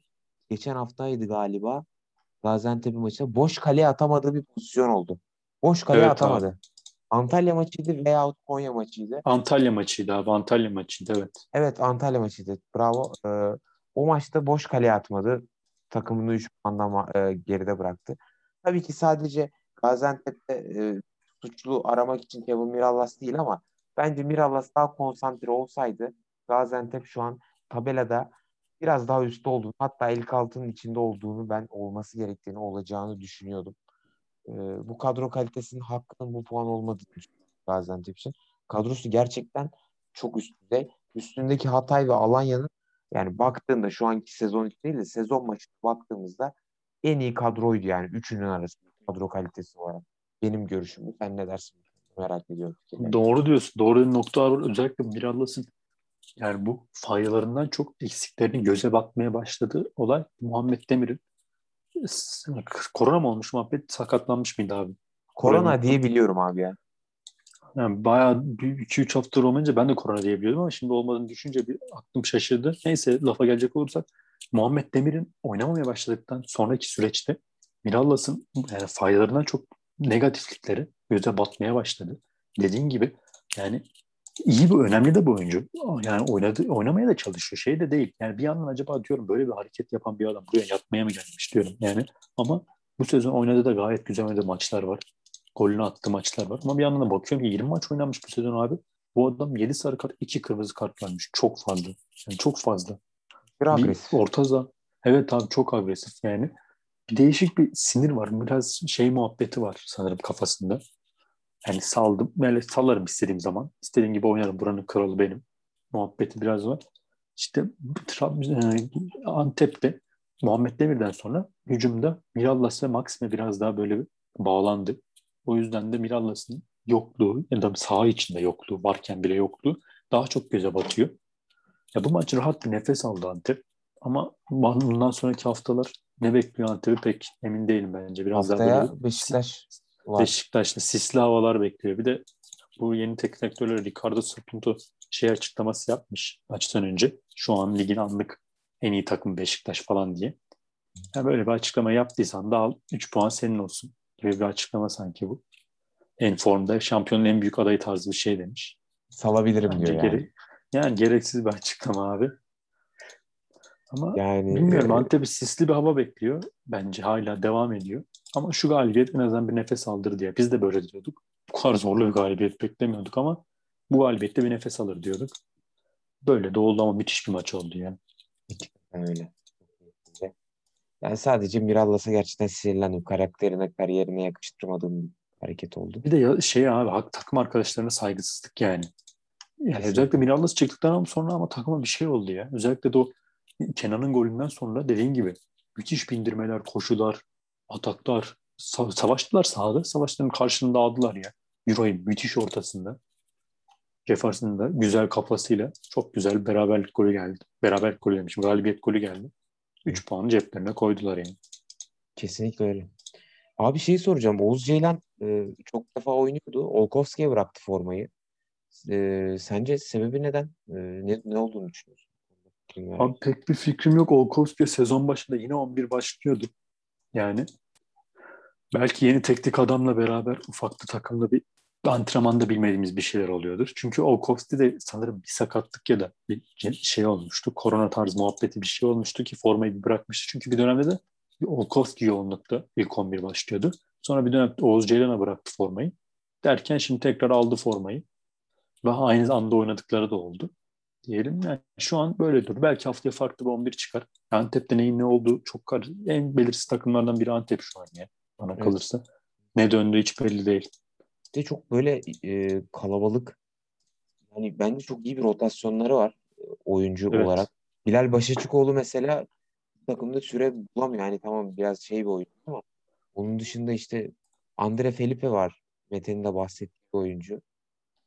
Hiç oynadığını tabii ben mesela- görmedim mesela onu. Çok nadir, çok nadir. Doğru. Ve oyna, bir ilk başlarda sezonda bir başlarında bir oynamıştı. Klas oyun, klas pozisyonlara girdiği vardı. Plus gollü vardı. Bir ya da iki tane emin değilim şimdi. Yani ve de Portekiz Ligi'nde olsun. Ben şimdi tekrar baktım. Bir, Brezilya'da olsun golcü sezonları geçiren bir adam. Şimdi Muhammed Demir'in de yokluğunda Diko'ya bu kadar bağlanıp yedeksiz bırakmak Diko. Yani Diko çıkıyor kim giriyor? Mesela maç kim girmiş? Ce- Enver Cenk Şahin girmiş. Yani bir, daha çok kanat oyuncusu giriyor. Yani dediğim gibi bu Andre'de bir sıkıntı mı var acaba? Teknik adamla ya da Andre'de, Andre'de bir sıkıntı mı var? Bilemiyorum. Niye bu adam yedek?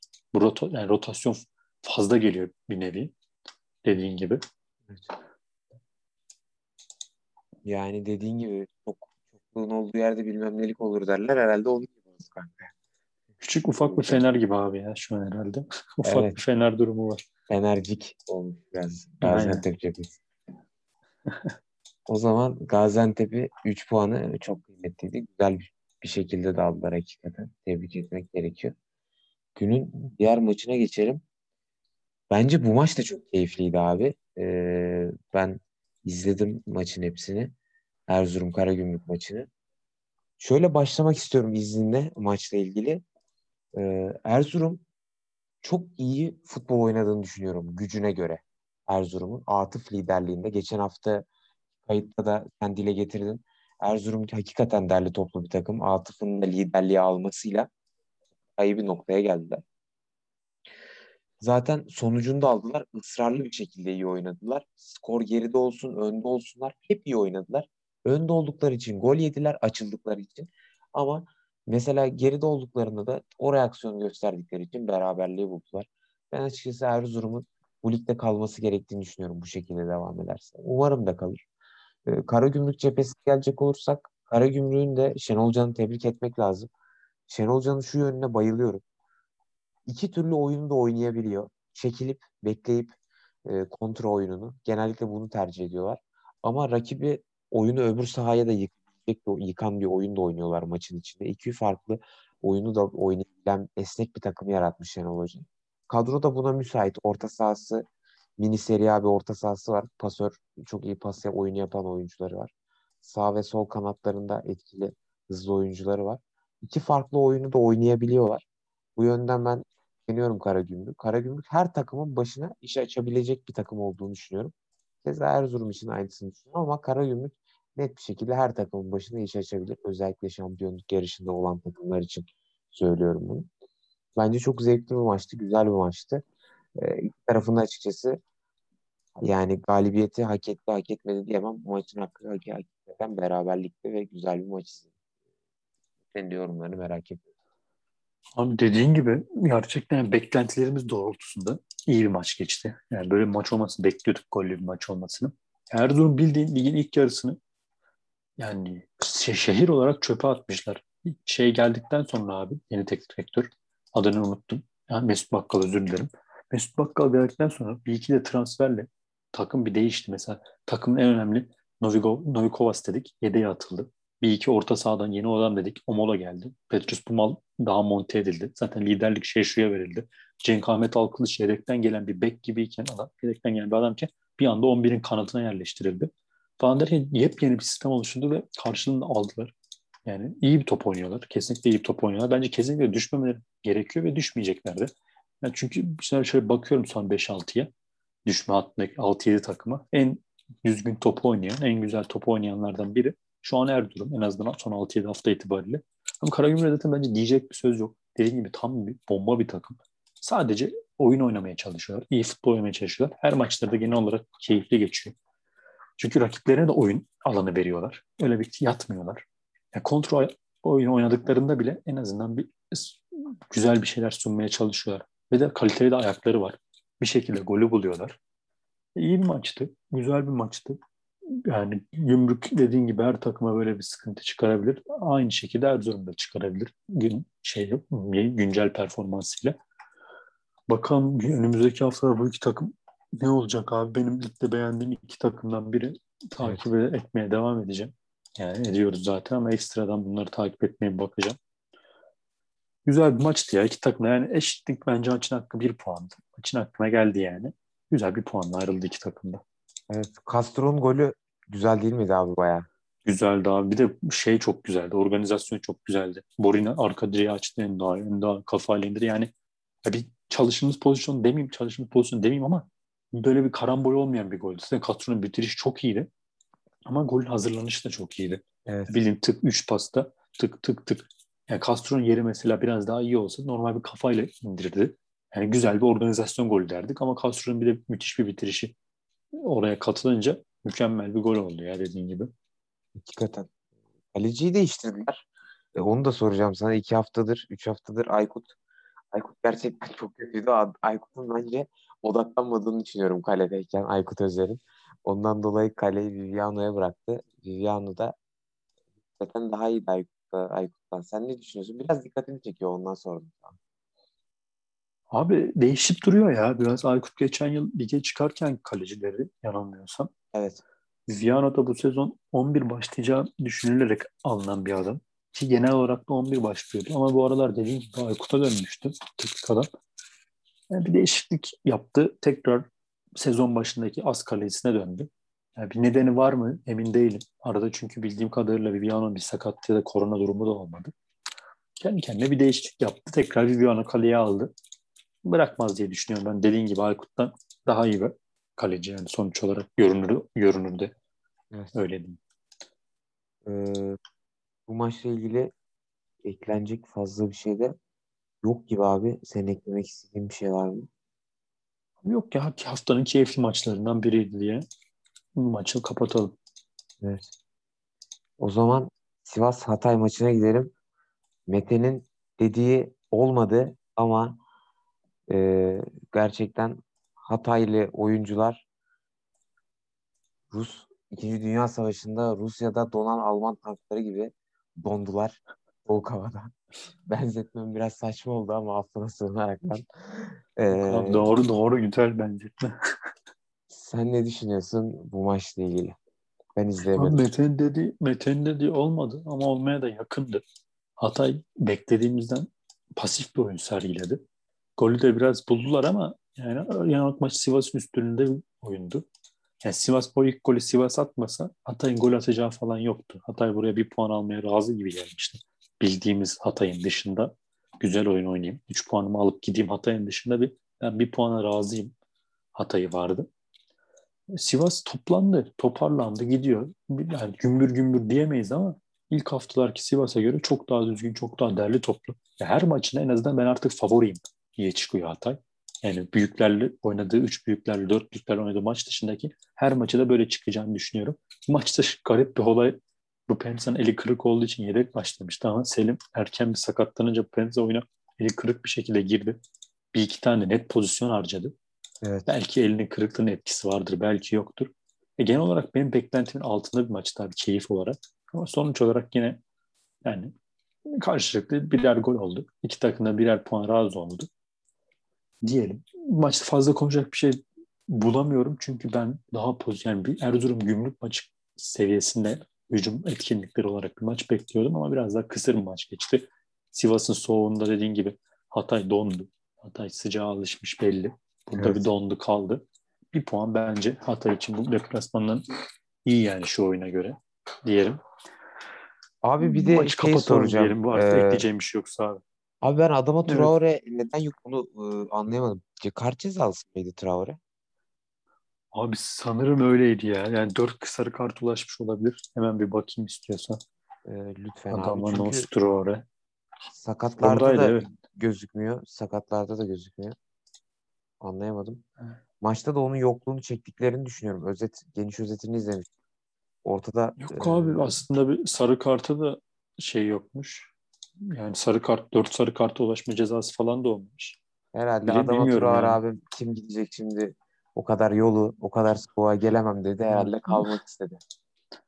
Herhalde abi dediğin gibi çünkü hiçbir şey yok ortada. Neden yok, sebep yok. Formda da bir oyuncu. Evet, formda da bir oyuncu. Valla Max Gradel abi çok iyi top oynuyor ya. Yani tek söyleyebileceğim şey bu. Gerçekten. Taşıyor. Yani. Sivas bu sezon iyi bir iş yapmış bu adam olarak. Neredeyse Avrupa'da da gruplardan çıkarıyor zaten Gradel takımı. Oradan buraya ligde en azından ayakta tutuyor Gradel. Her maç bir golde bir etkisi var. Hücum aksiyonlarında her zaman var. Evet. Yani bu senenin Sivas adına flash transferinden biri seneye durmaz burada. Basar gider belki büyükler alır mı bilmiyorum ama çok e, yaşlı bir oyuncu. E, Toulouse'da evet. uzun yıllar oynadı. Biraz buraya emeklilik yapmaya geldi gibi ama e, bence kalır ya. Yanlış bir Basta. yanlış bir şehir seçmiş abi emeklilik için. Zor. Zor bir şehir. Ee, o zaman Başakşehir Konyaspor maçına geçelim. Bu maçı e, ben izledim. Keşke izlemeseydim. İlk yarısını tamamen hani izlemenin bir gereği olmadığını düşünüyorum bu maçın. Ama izledim. Goller de ikinci yarı oldu. Senle bu maçla hatta kulaklarım da çınladı. Yani kulaklarım da çınladı seninle konuştuğumuz programda, sen programda. İlk en çok gol ilk yarı olur demiş. En çok gol değil tüm goller ikinci yarı oldu bu maçta. Ee, ondan sonra dedim yani keşke e, ilk yarısını bir izlemeseydim dedim. Belki dedim ilk yarısında bir aksiyon olmuştur. iyi bir futbol olmuştur. Abi maçla ilgili yorumum şöyle. Başakşehir'in açıkçası son 2-3 haftadır en iyi top oynadığı maç olarak görüyorum bu maçı. Başakşehir kaleye gitmeye çalıştığı bir maç oldu. Mete'nin de kulaklarını çınlatalım buradan. Mete gerçekten doğru bir yaptı.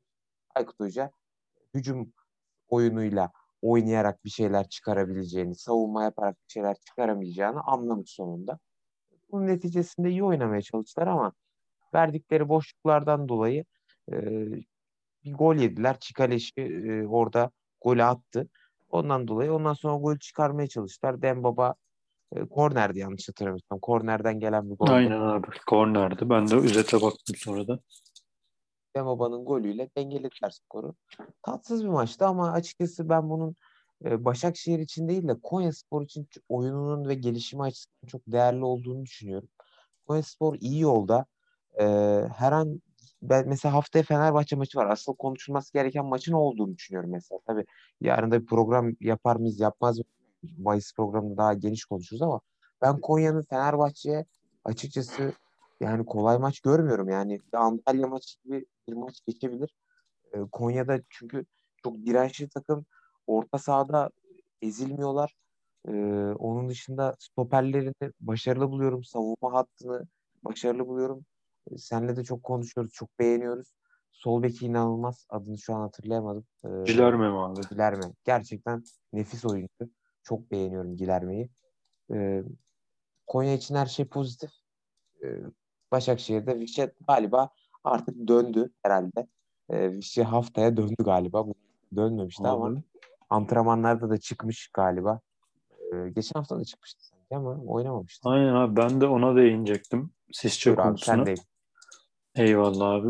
Antrenmanlar iki haftadır fotoğraflar duruyor. Ben Başakşehir takip ediyorum sosyal medyasını. Antrenmanlar görünüyor. Gülerek poz veriyor falan böyle kamerada. Ama nitekim bakıyoruz her maç aynı şeyi diyoruz. Herhalde bu maç en azından yedekten başlayacak. En azından yedekten başlayacak. Bir bakıyoruz 18 kişilik kadroda yer almıyor bu adam. Artık 18 değil sanırım daha fazla. Ama yer almıyor yani yedeklerde de 11'de de yok bu adam. Bence Başakşehir için baya baya tehlike çanları çalıyor artık düşme adına. Oyunu biraz topladılar ama yani kötünün iyisi bu adamlar. Yani biraz kaleye gidiyorlar. Biraz baskı yapıyorlar. Kendi evlerinde Konya Spor'a karşı oynarken bir tık daha üstün oynadılar diye Başakşehir oyunu topladı Aykut Kocaman diyoruz. Tabii evet. geçtiğimiz haftalara göre daha iyi. Eyvallah ama geçtiğimiz haftada hiçbir şeylerdi zaten. Ya baya baya sıkıntılı bir durumdalar bence. Şu maçta da bir puan onları küme yolunda ya kümeye düşmeme yolunda önemli bir puan olabilir. Neredeyse burada da bir bir puan puan da bırakıyorlardı. Başakşehir hemen hızlıca bir şeye bakmak istiyorum. Haftaya kimle oynadığında. Gençler Birliği oynuyor abi. Müthiş bir maç. Kesinlikle gözler kanayacak muhtemelen. Gözler kanayacak yani. Önem olarak müthiş bir maç ama nasıl bir maç izleyeceğiz bilmiyorum. Olur da şuradan bir gençler bir galibiyet çıkarsa bilmiyorum artık lig nereye gider. Yani ligin alt tarafı nereye gider? Üst taraf kadar heyecanlı bence ligin alt tarafı şu an. Kesinlikle. Beşiktaş Başakşehir oraya dahil olmuş oldu. Birazdan Kayseri Rize maçını da konuşacağız abi. Muhtemelen bu maçtan hemen sonra. Şumidika'nın gidişiyle beraber ve Kayseri'nin puan durumuna baktığımızda itibaren şu an lige düşme adayı olan 7 tane belki 8 tane takım var. Müthiş bir durumda. Yani alev attı dediğim gibi. Bakalım bence tehlike çanları çalıyor. Konya İlhan Palut'la beraber oradan kurtardı kendini. Hem güzel oyunuyla hem aldığı sonuçlarla. Konya ben gidiyorum dedi kümeye. Şimdi bakalım Başakşehir düşünsün. Aynen öyle abi. Gerçekten Başakşehir'i oynayan oyuncular da kötü. Ee, sahadaki bu tavırlar vesaireler. Yani bilmiyorum. Yani Konya Spor ama Başakşehir için hiçbir şey yolunda gitmiyor. Bakalım düşerler mi kalkarlar mı artık e, göreceğiz. Herhalde sonunda. şey olacak abi düşerlerse de. Tarihe geçecekler şampiyonluktan hemen sonra düşen bir takım olarak. Mesela Bursa düşmüştü ama iki sezon sonra düşmüştü sanırım. Evet. Şampiyonluktan hemen sonra düşen bir takım olarak ya Türkiye Ligi tarihine düş geçecekler. Belki dünyada da yoktur böyle bir şey yani. Çünkü çok zor bir şey, inanılmaz bir şey. Aynen. Yok, yok yani. Yok evet. Hatırlamıyorum ben daha doğrusu. Belki Juventus ama gerçi onlar şirketten düşmüştü galiba. Evet onlar şirketten düşmüştü ama evet sayarsak olabilir doğru diyorsun. Öyle onu da sayarsın. Ee, o zaman abi bu maç çok keyifsizdi ya. İstersen geçelim ya. Şey e, geçelim yani abi. Konya Konya Başakşehir eklemek Geçelim abi geçelim zaten. Ama. Keyifsiz maç bekliyorduk. Keyifsiz bir maç oldu. Ben fazla da izlemedim için çok aşırı bir yorum yapamadım. Genel hatlarıyla yorum yaptım. Bence de geçelim yani maçı. Abi Kayseri Spor Rize karşısında altın değerinde mi artık bilmiyorum platin de neyse e çok değerli 3 puan aldılar ve İlhan Parlak abi bu adam hakikaten inanılmaz bir adam. Geçen sezon düşme adaylarını kümede tutan bir adamdı. A- Ankara gücünde de gerçi tutamamıştı galiba Ankara gücünü. Puan tablosuna Tutamadı da tu- şey oldu tutmuş oldu sonuç olarak abi. Aynen. Bu sezonda Kayseri'yi e, kaldırır sahaya. Hakikaten çok şaşırıyorum İlhan için. Tabii ki sadece İlhan Parlak için değil ama Kayseri'nin çok önemli bir oyuncusu var. Senin de çok sevdiğin Pedro Henrique. Onun artık dönüşü döndü yani artık net bir şekilde döndü. Oynuyor da sağlıklı bir şekilde. Çok şey kattığını düşünüyorum Kayseri Spor'a. Rize'de de Şumudika gitti. Genel her şeyle her şey hakkında yorumunu merak ediyorum abi. Sen de. Abi Kayseri gerçekten dediğin gibi inanılmaz değerli 3 puan aldı. Yani bildiğin yani Rize'nin üstüne attı kendini şu an. Maç faz, maç eksiğiyle Rize'nin aynı puandalar. Ve sanırım ikili avarajı da almış olabilirler. Hemen bakıyorum. Yani ikili avaraja kalabilir lig çünkü. Yok deplasman golle Rize'deymiş. 1-0 yenmiş Rize ilk maçı. Abi bakıyorum maça yani Rize hemen hemen bir tık daha üstüne oynadı ama sonuç olarak 3 puan alan Kayseri oldu. Herhangi bir İlhan Parlak değişik değmemiz gereken bir nokta bu adam. Bu sezon garip bir iki golü var. Diğer golü Erzurum'aydı sanırım. Evet Erzurum. Bir, bir 3 hafta 4 hafta önce. Garip bir puan alan, 3 puan alan, 1 puan alan golleri de İlhan Parlak imzası var son 5-6 haftadır. Ya bu maç bir de ben maçtan sonra gördüm. Boldrin maçtan önce şöyle bir açıklama yapmış abi. Boldrin Kayseri'den Rize'ye gitti. Kayseri benim işte transferimde sorun çıkarttığı için yani bedelini bu maç ödeyecek tarzında bir açıklama yapmış. Ben maçta maçtan sonra gördüm bu açıklamayı. Ve maç öncesi için aslında çok iddialı bir açıklama. Bu maçın sonunda da yani mağlubiyeti aldılar. Öyle bir değinmek istedim bu konuya. Bayağı Şumidika da özetmiş oldu. gitti. Evet abi yani değişik bir şey. Kayseri'de maçtan sonra şey yapmış. Başlık atmış kendi sosyal medyasında hesaplar sizden diye. Böyle güzel bir güzel bir listeleşme olmuş abi orada.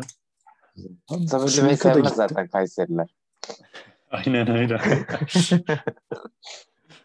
Abi işte Kayseri da gitti. Kayseri inanılmaz bir düşüştü. Kimsenin kurtarabileceğini düşünmüyorum ben. Çünkü yapacak bir şey yok oyuncularda. Sabah oynuyor.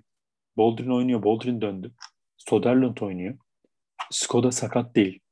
Yani bir maç 11 başlıyor, bir maç yedekten geliyor. Herkes herkes sağlam şu an. Remi'yi saymıyorum çünkü Remi artık yok sanırım. Bu sezon olmayacak. Remi'yi saymıyorum o yüzden. Herkes 11'de. Hiçbir şekilde sonuca varamıyorlar. Ne saha içinde ekstra müthiş bir oyun oynayabiliyorlar. Ne puan olarak sonuca varabiliyor. Ben bu Rize'yi düşme adayı olarak sayacağım hiç düşünmüyordum kadro kalitesinden dolayı ama şu an bence böyle bir en önemli 5 düşme adayından bir durumda Rize. Çünkü teknik direktör de çok kritik bir zamanda gitti. Kim gelecek, ne gelecek? Ve de Şumidika biraz da bahanelerin arkasına sığındı eyvallah ama bu açıklamayı bu adam yapıyorsa bir bildiği vardır. Buraya kim gelirse gelsin hiçbir şey yapamaz açıklaması vardı geçen hafta konuşmuştuk zaten. Demek ki içeride dönen bir şeyler var. Ya da içeride iyi gitmeyen takım, anti oyuncular adına iyi gitmeyen bir şey var. Ki böyle bir açıklama yapıyor bu adam. Bakalım neler olacak Rize adına. Kayseri'de ufaktan bir kurtarmaya başladığı gibi. Pedro Henrique de döndü dediğin gibi. Kayseri'nin kahramanı Pedro Henrique. Bu takım için çok önemli bir oyuncu Pedro Henrique. Ya bu yıl çok sık sakatlıklar yaşasa da eksik kalsa da şeyi devretse de her zaman bir galibiyetin pay galibiyet, galibiyetlerde büyük payı oynuyor Pedro Henrique. Haftaya Kayseri Hatay'la oynuyormuş. Sonra Galatasaray'la oynuyormuş. Sonra da Gümrük'le oynuyormuş. Yani Kayseri böyle bir fikstüre girmiş. Bu da bir sıkıntı Kayseri adına. Ama bu hafta işte bu haftayla o haftaların bir şeyini güvencesini yapmış oldu bu haftaki 3 puanla. Ben maç adına fazla diyecek bir şey bulamıyorum başka. Günün çok kazananı, çok büyük kazananı maçın Kayseri oldu. Aynen. Bakalım. Yani belki Kayseri o üç takımdan birine bir çelme takabilir abi. Kim olur bilmiyorum ama Hiç Kayseri'de o potansiyel var abi. dediğin gibi. Var. Hiç belli olmaz. Ee, o zaman abi diğer güne geçiyoruz. Perşembe gününe geçiyoruz. Son maç abi aynen. Son maçımız mı? Oo süper. Aynen abi son maçımız. Geçen hafta süper dediğim hani program bitiyor diye süper demedim kanka. Şey çok Göztepe'li olduğunu Maç biliyorsun. süper. Aynen maç Aynen süper. abi. Ee, abi bu maç yani açıkçası benim pek beklentilerim karşılamadı. Senin de fikrini çok merak ediyorum. Ben Göztepe'ye bir eleştiri yapacağım. Göztepe bu maça asla kazanmak için gelmemiş oyuncular. Bunu net bir şekilde maçın 0. dakikasına 90. dakikasına kadar her an hissettim sahada. Çünkü yani kontrada öylesine çıkılan bir atakta Halil, Halil Akpınar içeri çevirdi ortayı. Fatih Aksoy tamamen oynamama alışkanlığından gelen ve o an böyle dikkatsizliğinden yani kendi kalesine attığı bir golle öne geçti. Akabinde çok bir, üstün bir şekilde bastırdı Alanya. Zaten oyun içinde de baskındı. iyice baskısını artırdı. Ee, çok normal duran toptan atmasalardı akan oyunda atacaklardı. Duran topta attılar. Zavellas çok güzel yükseldi. Kozyor'un ortasında. Ön direkte kafayı vurdu. Golü buldular.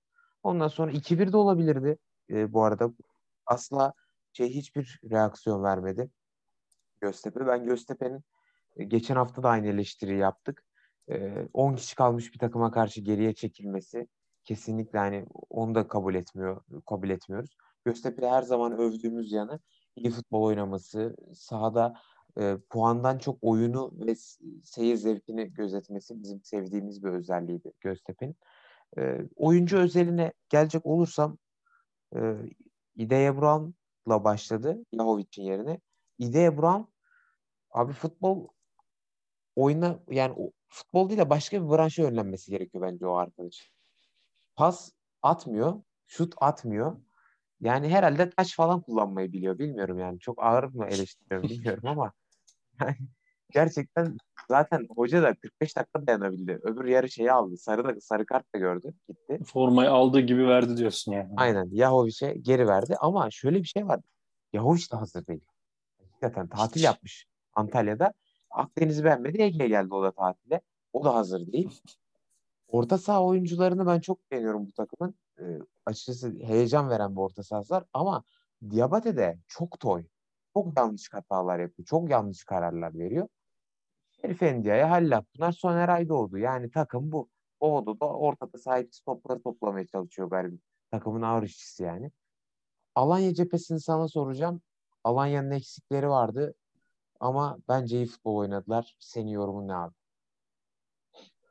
Alanya'nın çok eksiği vardı. Zaten bunun bekleyerek de bir puan kaybı bekliyorduk Alanya'dan. Ama böyle bir oyunla beklemiyorduk puan kaybını. Yani çok üstün oynadılar dediğin gibi. Erdur Göztepe'nin maç sonunda sıfır isabetli şutu var. Bir golü var.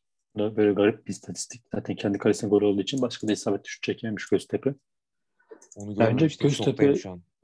Evet abi şaşırtıcı, şaşırtıcı bir istatistik. Göztepe ufak bir şey bekliyorum. Göztepe sanki bir şeyi gösterdi burada. Hani bir, acaba yukarılara oynar mı falan diyorduk ya. Yani evet. yukarılara oynama gibi bir niyeti olmadığını ya da kendilerinin yukarıya oynama gibi bir takım görmediğini en azından Ünal Karaman belki bunu gösterdi bugün itibariyle. Dediğim gibi golü bulduktan sonra yine ölümüne kapandılar. Çekildiler. Yani bir puan aşırı razılardı benim yine. Yani bunu biraz gösterdi. Ama Alanya tarafına gelecek olsak da bu kod zor. Tam okunuşunu bilmiyorum ama yani sen daha, Doğru, daha güzel abi. telaffuz etmiştin. Öyle mi abi? Tamamdır. Kod zor. Bugün Efecan yerine başladım. Şeyden Çağdaş Atan'dan yine beklemediğimiz bir hamle geldi. Yani Kodzor bayağı iyi oynuyordu son haftalarda eyvallah ama Efecan bu takımın özellikle bu kadar eksiği de varken de değişmez parçası gibi düşünüyorduk. Ama bence Kodzor formayı almış olabilir bu maçla beraber. Çok iyi bir maç çıkardı. Başarılı bir maç çıkardı. Hücum ataklarında hep bir şey vardı. Hep de her zaman bir hücum ataklarının içerisindeydi. Yani tam da böyle bir ayakları düzgün, duran topu var. Bir şey var. Pas kısmında var. Bir tık da hız da var. Yani bizim Türkiye Ligi'nde her iş yapabilecek bir adam. Bu kadar eksiğe rağmen böyle bir iyi oyun oynatabildiği için de ben yine Çağdaş Atan'ı tebrik ediyorum. Beğendim de bir hoca gayet. Yani şu maçta bir puan Alanya bir puan, Alanya 3 puana, Göztepe 1 puana geldi. Gelmiş gibiydi. Neredeyse Göztepe 3 puan, Alanya 0 puanı dönecekti. O ikinci yarıdaki o kafa gol duran toptan gol olmasa. Hani yani bir şeye geldi yine mesele. Hani demiştim ya geçen hafta. Alanya maçları son haftalarda böyle bir keyifli maç bekliyoruz ama keyifsiz oluyor. Bu sefer Alanya'dan dolayı değil Göztepe'den dolayı oldu bu. Alanya topunu oynamaya çalıştı gayet. Karşısında da her ne kadar normal Göztepe bulamazsa yine yatan bir Göztepe bulsa da Alanya tekrar bir umut verdi ya. Alanya böyle bir inişli çıkışlı performansını bu haftada bence gösterdi. Her ne kadar 3 puan alamamış olsa da oyun olarak 3 puanlık bir oyun oynadı. Haftaya Trabzon deplasmanına gidiyorlar. Bu güzel bir maç olacak işte bence. Yani iyi bir maç dönebilir burada. Bakalım abi Alanya adına Babakar yokken, Salih yokken, Kolkır yokken iyi bir oyun. Bir puan. Yani bence iyi oyun en azından Alanya cephesini mutlu etmiştir diye düşünüyorum. Yani. Evet, evet. Adam Barreiro, Adam Barreiro galiba doğru okudum. Onu beğendin mi Doğru abi? abi. Abi ben pek be beğenmiyorum Barreiro'yu. Çünkü yani sene sezon başından beri Alanya'nın birçok maçını izledim. Sezon başında hmm, Çağdaş Atan Barreiro'yu tercih ediyordu. Yani şey baba kariyerine. Sonradan o da baktı Babakar'ı 11'e çekti. Ya yani şey bir oyuncu abi. Nasıl desem küt bir oyuncu. Brownie'de hani diyorsun hiçbir özelliği yok diye. Babakar'ın da özelliği bir tık daha böyle biraz daha sağlam. Barreiro'nun özelliği özür dilerim Babakar dedim. Biraz daha sağlam. Yani böyle fizik olarak sağlam duruyor, şey duruyor. Mücadeleci. Bir de golü kokluyor biraz. Yani böyle bir yani golü kokluyor dediğim de dönen topları falan kovalıyor kaleciden. Zaten sezon başında böyle çokça golü var. Dönen topu kovalıyor. Bir şey yapıyor. Ama fazla pek başka bir şey yok abi. Ne böyle bir alıp sağlam bir şut çıkarabiliyor. Ne böyle bir sırtı dönük bir oyun var. O yüzden ben Barreiro'yu beğenmiyorum. Haftaya tekrar Babakar formasını alır koronada geçerse. Sen ne düşünüyorsun Barreiro konusunda? Sanırım Barreiro'yu bu sezon yani çok izlemedin sen bu maçla beraber tanıdığın gibi. Şey yap. Abi yani ben ilk yorumunu ne Barreiro'yu- merak ediyorum. Yani Aynen, o anlamda sordum. Barreiro'yu ben sezon başında bir maçta görmüştüm. Daha sonra Babakar formayı alınca herhangi bir, bir yorumcuydu kimdi hatırlamıyorum. Barreiro bu takıma Babakar'ın hani o roket gibi şut attığı goller bulduğu bir haftalardı. Evet abi. Bu takıma ilk birinci forvet olarak Barreiro alınmış. Babakar sağ kenarda oynasın diye alınmış ya da yedekten gelsin diye. Ben Barreiro'yu ilk gördüm ve şey dedim yani çok da iyi bir oyuncu olmadığını düşünüyordum. Bu maçta böyle enteresan bir hani bir pozisyon oldu. Onu da soracağım sana. Ben el olmadığını düşünüyorum aslında. Gördüm mü bilmiyorum. Omuzuyla alıyor bence ama hakem el dedi. Sonra aşırtma bir vuruş yaptı. Güzel de bir vuruştu. O pozisyonu el dedi. 1-0 olmuştu. Sonra golü vardan döndü. iptal etti. Pozisyonu gördün mü? Ne O pozisyonu görmedim abi. O yüzden bir yorum yapamayacağım. Hmm, Yani şimdi yanlış bir şey yapmak istemiyorum yorum. tamam abi. Ben biraz Barreiro'nun e, ön omuzlarını... Sen bahsedersen ama o pozisyondan yine de bir Ya abi Barreiro Yani ön omuzuyla almış topu. Ön, ön omuzuyla almış topu. Ondan sonra işte yayda sürükledi galiba Alparslan da. Alparslan sürükledi. Önüne aldı sağ e, omzuyla. Ondan sonra İrfan Can da aşırı bir çıkış yapmıştı. Sonra aşırtma bir vuruş yaptı. E, ben biraz arkadaşım bayağı da maşallah var. Vücutlu yani. Vücutlu bir oyuncu. Abinin herhalde ön omuzlarını hakem VAR'da ön omuzlarını kol zannettiğini düşünüyorum. Halbuki oranın bir ikimiz de fitness'ı nacizane yapmaya çalışan insanlar olarak orada biraz Barreiro'nun e, shoulder press'lerin hakkını yendiğini düşünüyorum aslında. 1-0 öne geçmesi gereken taraf e, Alanya'ydı. E, maçın hakemi de kimmiş bir ona da buradan seslenelim. Tugay Kaan Numanoğlu'nun e, bence biraz daha sporla abi? olması gerektiğini düşünüyorum. Abi pozisyon ilk yarı mı demiştin? evet ilk yarı. 13. dakikaydı galiba. Özette dikkatimi çekmemişti ama şimdi hemen hızlıca bir daha baktım. Merak ettim sen öyle deyince pozisyonu. Aa evet evet bir dakika hemen bir yorumlayacağım abi şimdi. Tamam abi. Çok Ee, hızlı programı. Biraz çok ara veriyorum ama. Yalnız vuruş çok klas abi burada. Vuruş Evet. çok klas gerçekten. O Beni baltaya, şaşırtan bir vuruş bu. o baltaya yakışmayacak klas.